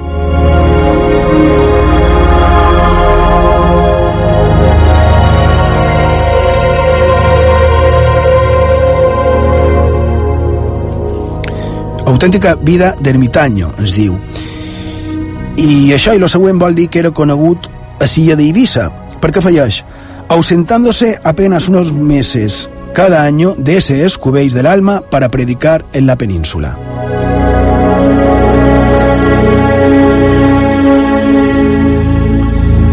Fins aquí molt bé, sembla que és fantàstic i tot bo, tot bo el que pensa d'aquell ermità. Però, però, com sempre, la part bona i la part no tan bona. Perquè, afegeix l'arxiduc, Hace ya muchos años que vive en ese alejado rincón de la costa y goza de gran estima entre las gentes del campo, a quienes vende rosarios y estampas de santos, aunque como ocurre con todos los curas españoles, se cuenta de él alguna que otra historia, que no es, precisamente, de naturaleza muy ascética.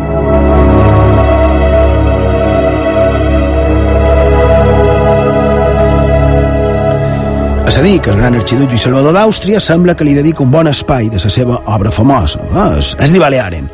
I li dediquen aquell personatge que no passaria de ser, no hauria d'haver passat de ser un simple ermità, no?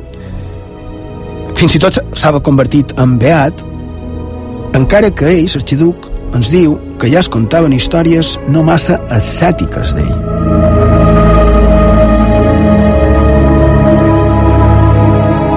Mira, abans que parlàvem de curiositats, Borja, una altra coincidència. Abans d'ahir a Eivissa me vaig trobar amb en Jorge Coelho, eh, l'editor i director de la revista Tànit, vam estar parlant una mica de, de tot. I, i sé, me consta que, que m'ha dat una tirada d'orelles de la teva part. Sí, efectivament, Jorge, li, li ha dit a en Borja el que m'hares dit, i de, eh, me, va, me va passar, aquestes casualitats, un llibre damunt del pare Palau, no? el seu diari, precisament, i, I bé, jo supos que és el que s'anomenaria no? un senyal per seguir aprofundint en la vida d'aquest home que, essent polèmic, va ser reconegut fins i tot quan era, quan era viu i vivia a les nostres illes. No? I que resulta que va ser motiu de peregrinatge, objecte de, de peregrinatge, millor dit. Així tot de contar-se alguna història sobre ell de naturaleza no muy ascética.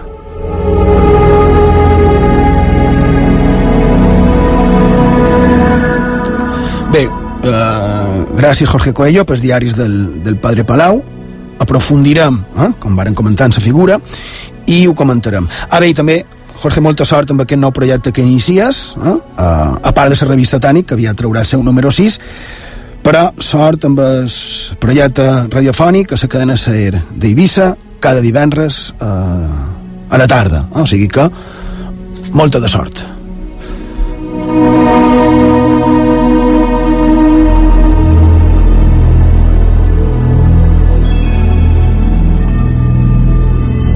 segueix eh, parlant eh, l'arxiduc d'aquell nou punt o bé tal vegada no tan nou eh, de peregrinatge a Eivissa y ens diu que el pare Palau, això també m'ha sorprès, se ha de Cataluña a cinco campesinos que habitan en unas habitaciones adosadas a la iglesia y que a su vez pasan también por ermitaños, llevando como signo externo de su condición luenga barba y bastón de caña.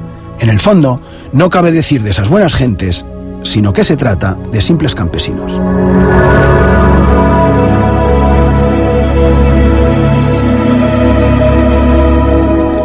Aquesta darrera frase tan evident, no sé si vos ho ha semblat a vosaltres també, però és com si amagués qualque cosa. No sé, no sé, no sé què penseu. Segueix dient a l'arxiduc que l'emplaçament és meravellós i ens suscita ell com a de peregrinatge. Diu, de toda la isla acuden de vez en cuando a Escubéis numerosos hombres y mujeres del campo, sea en peregrinación, sea en satisfacción de alguna promesa. Todos son portadores de presentes en forma de víveres que truecan por consejos o consuelo para sus aflicciones. Y es alegre el retorno al hogar, aliviados de penas y de algunos céntimos, que gustosos dejan a modo de óvulo para la terminación de la capilla, cuyas obras van completándose así, lenta pero progresivamente.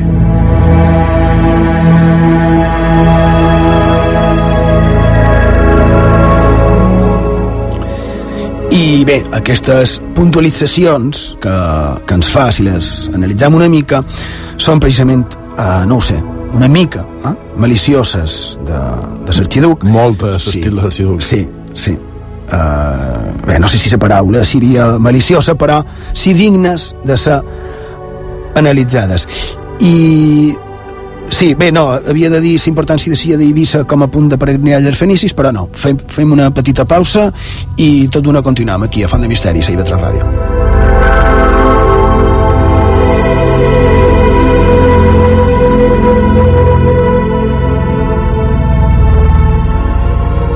A IB3 en ràdio, Font de Misteris, amb Xema Font.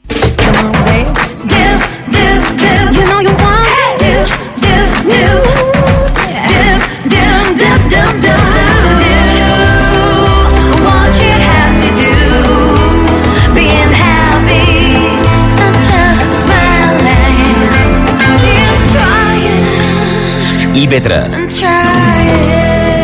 La ràdio pública de les Illes Balears Maria, s'ha acabat ja. En temes sexuals hem de ser clars i no mos hem d'amagar, eh? Ai, Joaquim, saps que n'hi ha desconeixements i no te pots fer una idea dels mites falsos que encara mos envolten. I de no pot ser, les coses s'han d'explicar i s'han de tractar. Han de dir adeu en aquest oscurantisme. No passis pena, tens solució. Perquè la sexualitat és una part important de la vida, la tractam de forma clara a No apaguis el llum. Els dissabtes a mitjanit a IB3 Ràdio, amb Maria Ribo i Joan Guillem Jaume. Múltiplex. Sistema de comunicació que combina en directe múltiples missatges en un mateix suport de transmissió. Múltiplex. Magazín d'IV3 Ràdio que combina múltiples convidats, múltiples disciplines, múltiples visions i múltiples vessants artístiques. Cada dia, a les 3 del capvespre, obrim una porta als ciutadans de les illes. Reflexionem sobre els assumptes que afecten les nostres vides i ho feim des de perspectives molt diverses. Parlam de tot i posam l'accent en la cultura amb els entusiastes. De dilluns a divendres de 3 a 6, Múltiplex, a IB3 Ràdio, amb Sergi Marcos.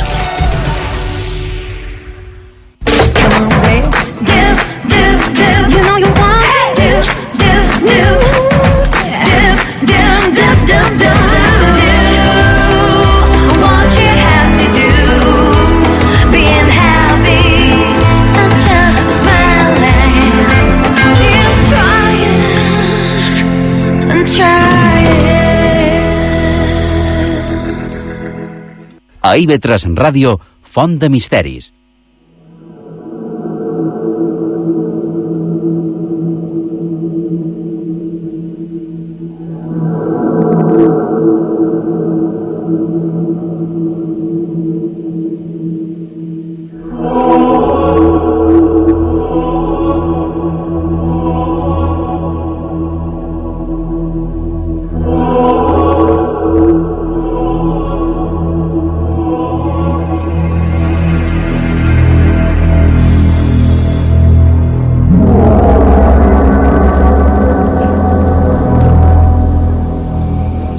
A Font de Misteris, a la sintonia d'IV3 Ràdio, la ràdio pública de les Illes Balears, a Mallorca mos podeu escoltar a 106.8 de la freqüència modulada.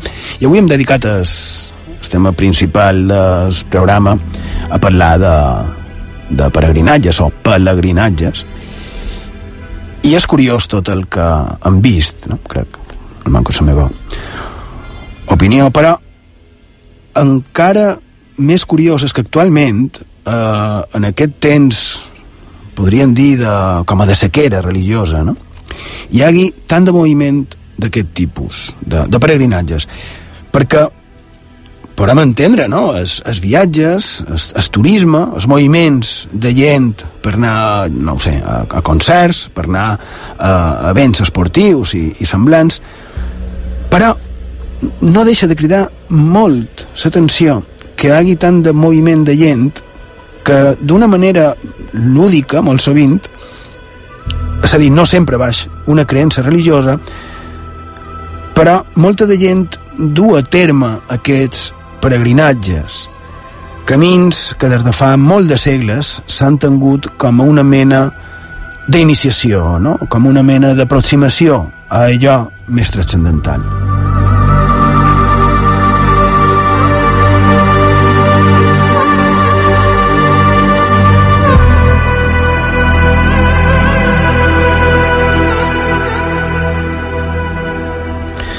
Estaria bé, no, pens, que darrere tot això, sigui la creença que sigui, no hi hagués només motius turístics, que ja va bé, si fos així, però principalment que no hi hagués motius coercitius, motius censors, que massa sovint estem a ple segle XXI, encara trobam no? dins aquest món tan fascinant com és el de les peregrinacions.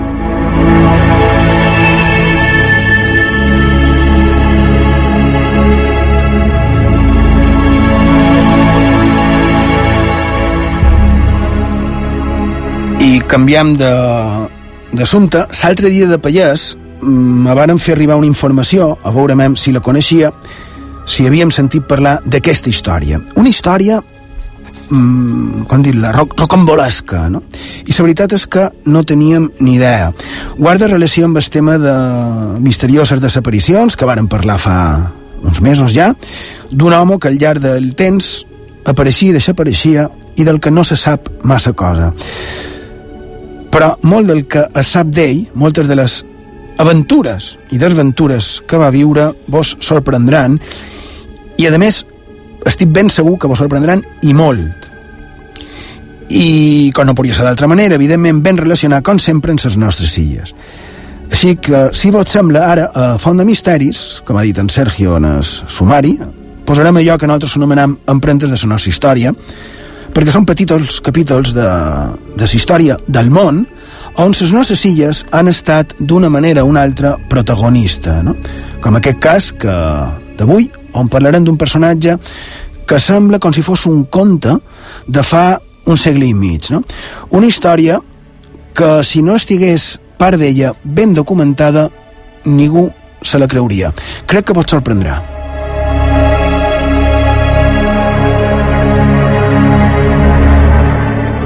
A bé, com sempre, reconèixer que aquesta secció que nosaltres anomenem Empremtes de la nostra història està basada en els passajes de la història d'en Juan Antonio Cebrián i que la sintonia capçalera és del músic mallorquí en Miquel Àngel Aguiló La Riba.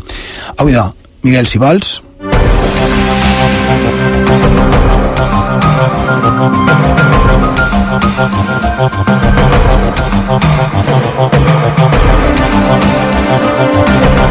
...1896, a una Rússia autòcrata, un imperi baix el de Romanov, on governava el zar Nikolai Alexandrovich Romanov. Això era 21 anys abans de la revolució del 17. I en aquella Rússia va néixer Vilna, actualment és Lituània, amb Boris Mikhailovich Skosirev Mavrusov. Ell era, millor dit, sembla que era de família noble, a Bielorússia, una família vinculada amb el exèrcit del zar. Comença la revolució i a tots aquells vinculats en sentir règim rus els hi convé fugir. Recordant que fins i tot la família de tsar Nicolau II, incloent els nins, varen ser assassinats a Sant Freda. I la veritat és que fins aquí no sembla res estrany dins l'absurda i contínua brutalitat i la desgràcia que els hi va tocar viure a tots aquells en aquella extinta Rússia imperial. Així que en Boris, com molt d'altres, decideix partir, exiliar-se de la seva terra abans de, com era del tot probable, acabar, com molt d'altres compatriotes, en aquells moments tan convulsos.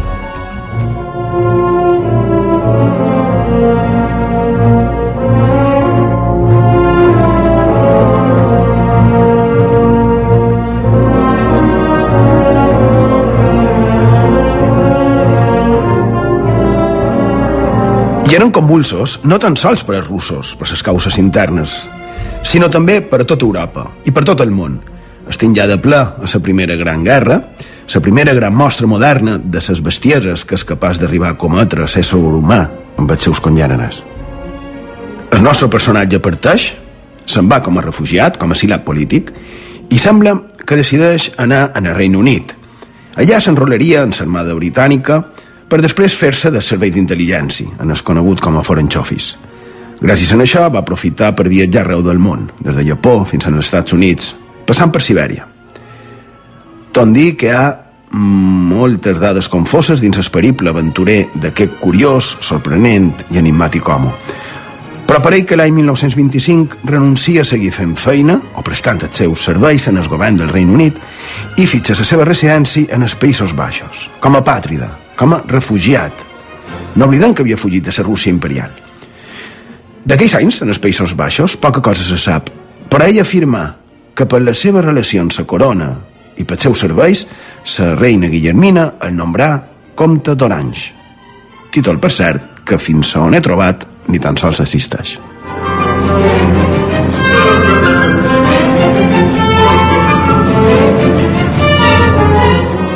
Any 1931 es casa en eh, Marilui Parat, de Marsella, i ella allà modifica una mica el seu llinatge, per confondre i per fer perdre pistes. I també declara una ascendència i un llinatge que no li corresponien. Ella, na Mary Louise, era més major que ell i diuen que aquest va ser el motiu que li va fer fugir a ell amb una lota més jove, en la que va anar a Andorra. I un picallà es va donar de la situació sociopolítica del Principat, amb una situació que havia quedat obsoleta, segles i segles de feudalisme que encara eren massa relats, i ell va començar a preparar un pla.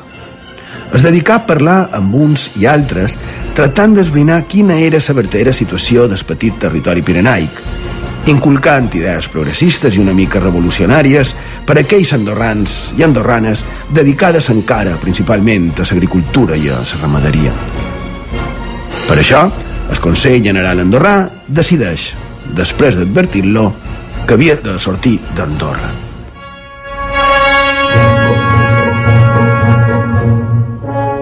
Sembla que és en aquell moment quan aquell home, en ja diverses personalitats, parteix de la península i decideix venir a les illes.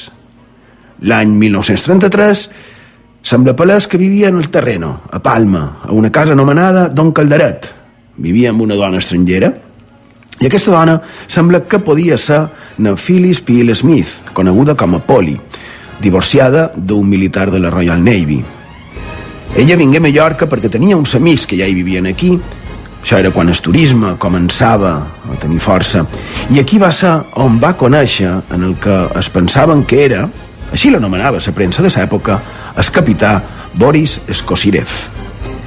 Vivien tots dos en el pis d'ella, on la policia sospitava que era una mena de casa de cites, una casa de perversió, a més també d'estar relacionats amb el trànsit d'estupefaents. El cas és que, vist el problema en el que s'havia vist implicat a Mallorca, la justícia decideix treure-ho del país, el desterren i se'n va cap a Portugal. Al poc, tornen a Andorra, que per aquell temps, any 1934, depenia directament del president de França i del bisbe de la Seu d'Urgell. Amb dos eren coprínceps del Principat. I va ser basant-se amb això, amb aquest coprincipat, que va ordir el seu pla. Va influenciar en el sud de França i en els andorrans que el president d'una república, com era la francesa, no era hereu del regne de França i, per tant, no podria ser copríncep d'Andorra. I amb això i amb altres enganyifes, una darrere l'altra i a un i a l'altre, però també a una i l'altra part del món, perquè fins i tot a Amèrica li feien entrevistes.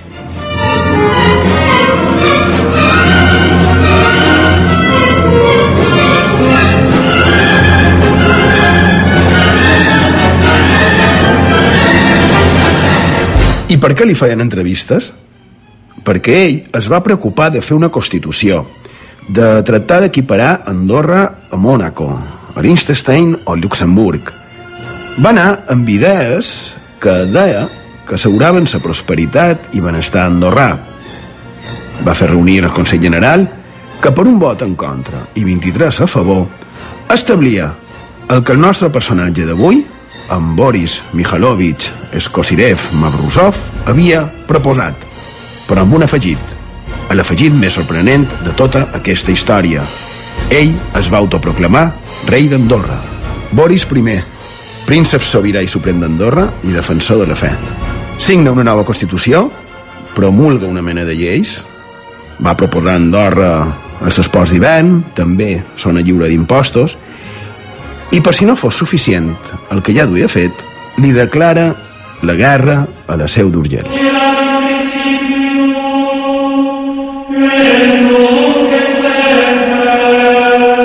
El govern francès, davant d'això, va optar per no intervenir. No va fer res.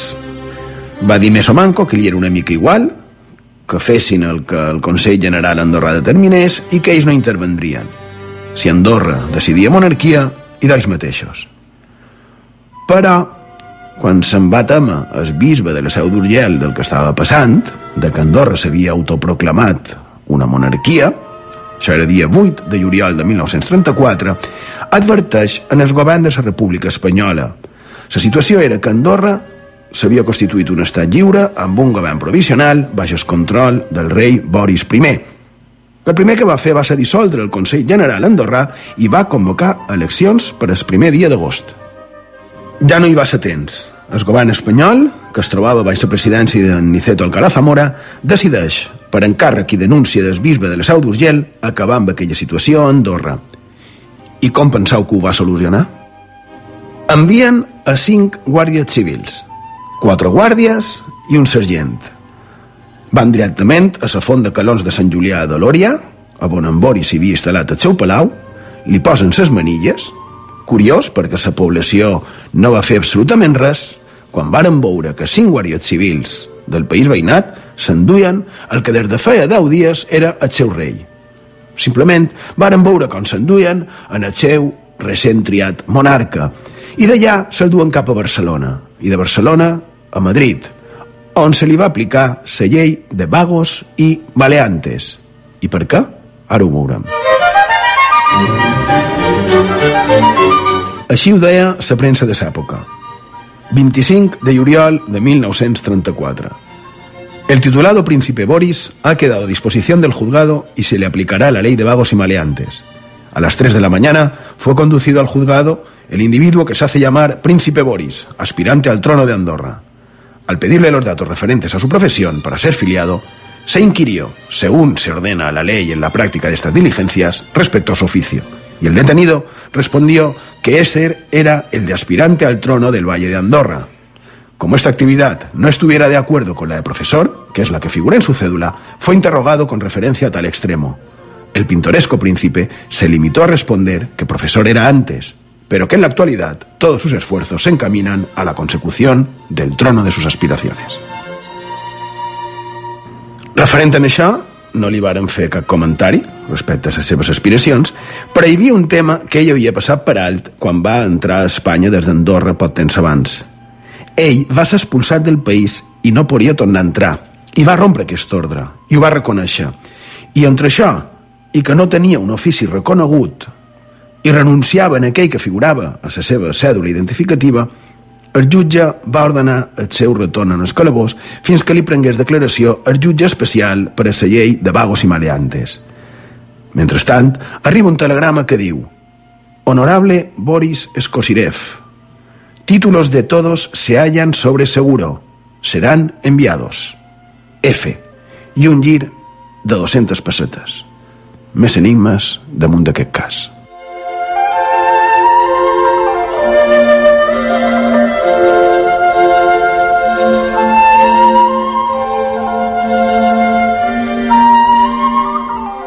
El jutge li demana per una i per l'altra qüestió, que aquí li envies d'obvers, el telegrama, també que per què ha romput l'ordre d'expulsió de l'estat espanyol, i en el final, en un cotxe celular, passat a les 10 del vespre del dia 24 de juliol de 1934, entra a la càrcel Modelo de Madrid, estitulat com a rei Boris I d'Andorra, on passa d'haver un any empresonat a Espanya.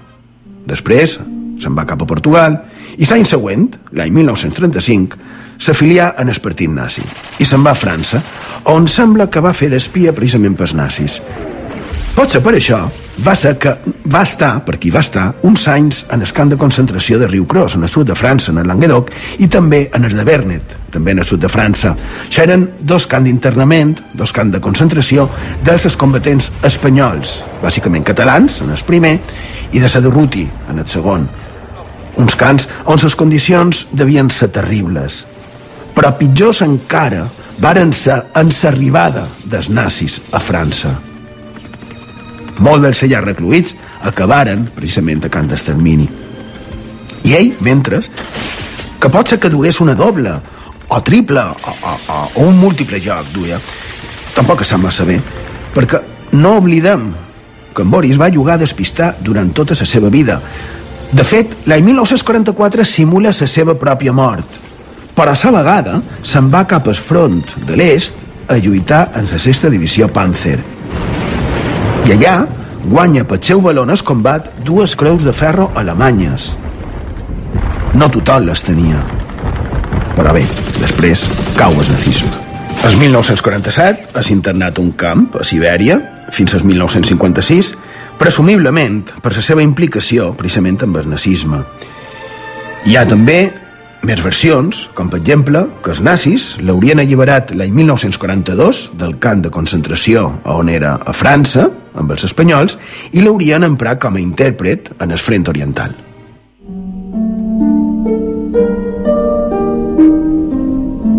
Moltes opcions, moltes possibilitats a la vida d'aquest rei d'Andorra, però estic davant d'un personatge d'opereta o és tal vegada una confabulació internacional no se sap en quines intencions, en qualsevol cas, truncades per la intervenció d'un bisbe?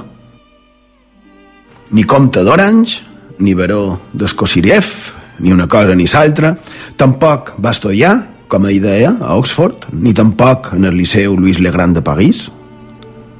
Va dur tota una vida plena de mentides, de desaparicions, d'aparicions, i també, avui no podrem contar-ho, però també hi ha una part més truculenta que parlaria de tortures en els camps de concentració i fins i tot d'assassinats dels seus antics amics andorrans, assassinats comesos aprofitant la seva suposada mort i quan ningú no hagués pogut sospitar d'ell.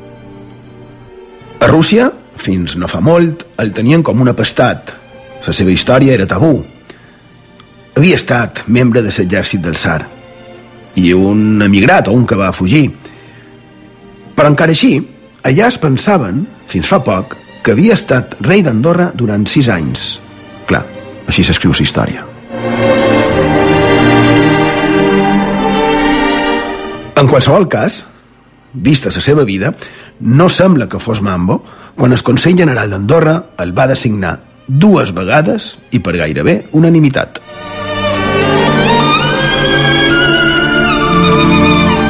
Als anys 70 deien d'ell que estava en el monestir de Poblet, a Catalunya, com a germà porter del monestir.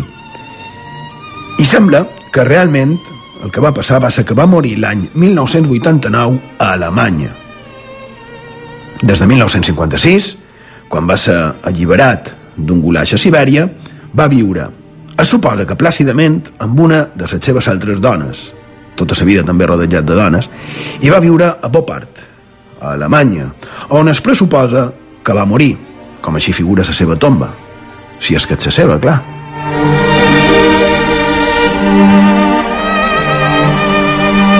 Una història que, en la meva opinió, va fer un volc quan a Mallorca va ser detingut i desterrat, perquè en va ser en aquella detenció on ell va dir que era professor d'idiomes en això es dedicava oficialment a les nostres illes, i en sa posterior ordre de desterrament li varen poder derrocar i llevar-li sa corona. Perquè si no, qui sap si encara podria ser que hi hagués una monarquia en el Principat d'Andorra. Ho imagineu? Quina història! Que, per cert, salvant totes les distàncies i agafant, evidentment, només la part romàntica, me recorda a una altra, més propera, que va escriure magistralment en José Carlos Llop en el seu En la ciutat sumergida, però en aquest cas tot va ser real. I el més fort de tot això és que aquell i el nostre cas proper, que pot ser un dia contem, en aquests micròfons, no són els únics casos. La realitat és sempre sorprenent. Resulta que quan en Boris I com a tal era detingut a Madrid, en el mateix temps que ell estava declarant davant del jutge,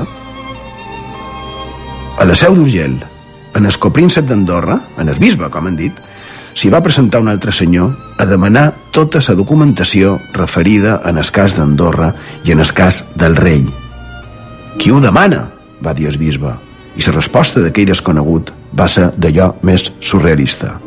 Boris II d'Andorra. Font de misteris, amb Xema Font.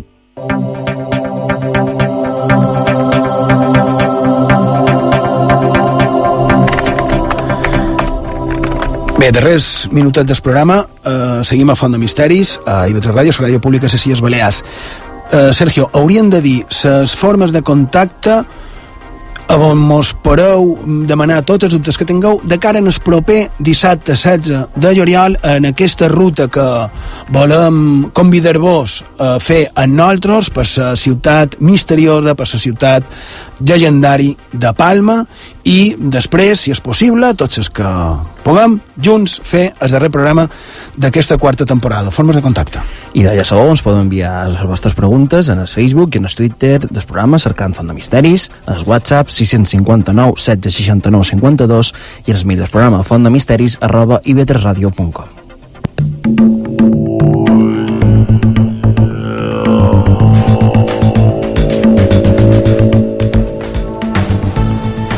Hem arribat a la fi del programa d'avui i esperem que hagueu passat una estona agradable i que hagueu pogut treure qualque cosa de profit d'aquesta font de misteris. I avui hem dedicat el temps principal del programa a parlar de peregrinatges, de pelegrins i les seves marxes, no?, per tal d'aconseguir arribar a un punt, el que sigui, que és considerat com a sagrat, o amb rellevància, o amb transcendència espiritual. I la veritat és que està molt bé, no? Però està molt bé en circumstàncies normals. Un peregrinatge hauria de ser una trobada d'un mateix en la seva part espiritual, en Déu, els déus, o amb un mateix, amb el que sigui. Però clar, si vaig a Lluc amb un cotxarro i, i xòfer, no ho sé, no ho sé, no, no ho veig igual que aquells que anaven arriscant-ho tot, no? Si vaig en el Monte Toro amb un helicòpter privat, amb una, amb una copa de cava en sa mà, pot ser divertit, pot ser interessant, però no crec que aquesta fos la idea que va fer en els nostres antecessors, crear o fer aquestes peregrinacions que encara, molt d'elles a dia d'avui, romanen vigents. Hi ha religions no, que, que ens fan entendre que si no vas com a mínim un pic en sa vida a un lloc determinat, no ho fas bé, no? Crec que les coses no deuen, o millor dir, no haurien d'anar així. Jo, jo segueixo pensant que totes aquelles persones que han viscut al llarg dels mil·lennis sense tenir coneixement de les religions, si existeix la salvació, com ho vulguem anomenar, tant per mi, ja ho he dit qualque vegada, que l'hauran aconseguida. No? Per això avui, a les utopies de la mitjanit del dissabte i Betra Ràdio, ens agradaria somiar amb un món on no sigui imprescindible viure la teva religiositat, com volen, no? sinó més bé com tu creus, respectant, evidentment, i fent el teu peregrinatge internament, però respectant en els altres. Viure la religió, la que sigui, sense imposicions, sense que t'obliguin o manin fer un peregrinatge que tal vegada no vulguis fer. I aquí entenem peregrinatge com a, com a, com dir-ho, com a camí vital, no? És a dir, faig ús de la paraula com a un símil. Però és que costa tant, tan poc, tan poquet respectar en els altres, saber Europa ens pot sonar absurd, però a pocs quilòmetres d'aquí ni imaginem, ni imaginen ells que aquí ens soni absurd, ni imaginen que aquí cadascú viu la seva religiositat o la seva manca de, de religiositat que li dona la gana, i molt manco imaginen que es pugui fer públic, no? Una verdadera llàstima que no sigui així per tot arreu. Queda molt de camí per recórrer. Hi ha massa gent obligada a un peregrinatge que els ha estat imposat. Nosaltres podem prendre el camí que desitgem, encara que massa sovint no ho aprofitam, però nosaltres al manco tenim la sort que podem triar, que podem córrer cap a on vulguem. Així que aprofitem-ho. Bon torrant, nascut per córrer. Bruce Springsteen. Allí Pau, bona nit. Gràcies per la vostra companyia i fins la setmana que ve.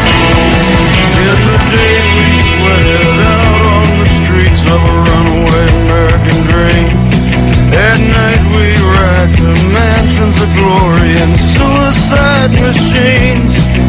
Sprung from cages on Highway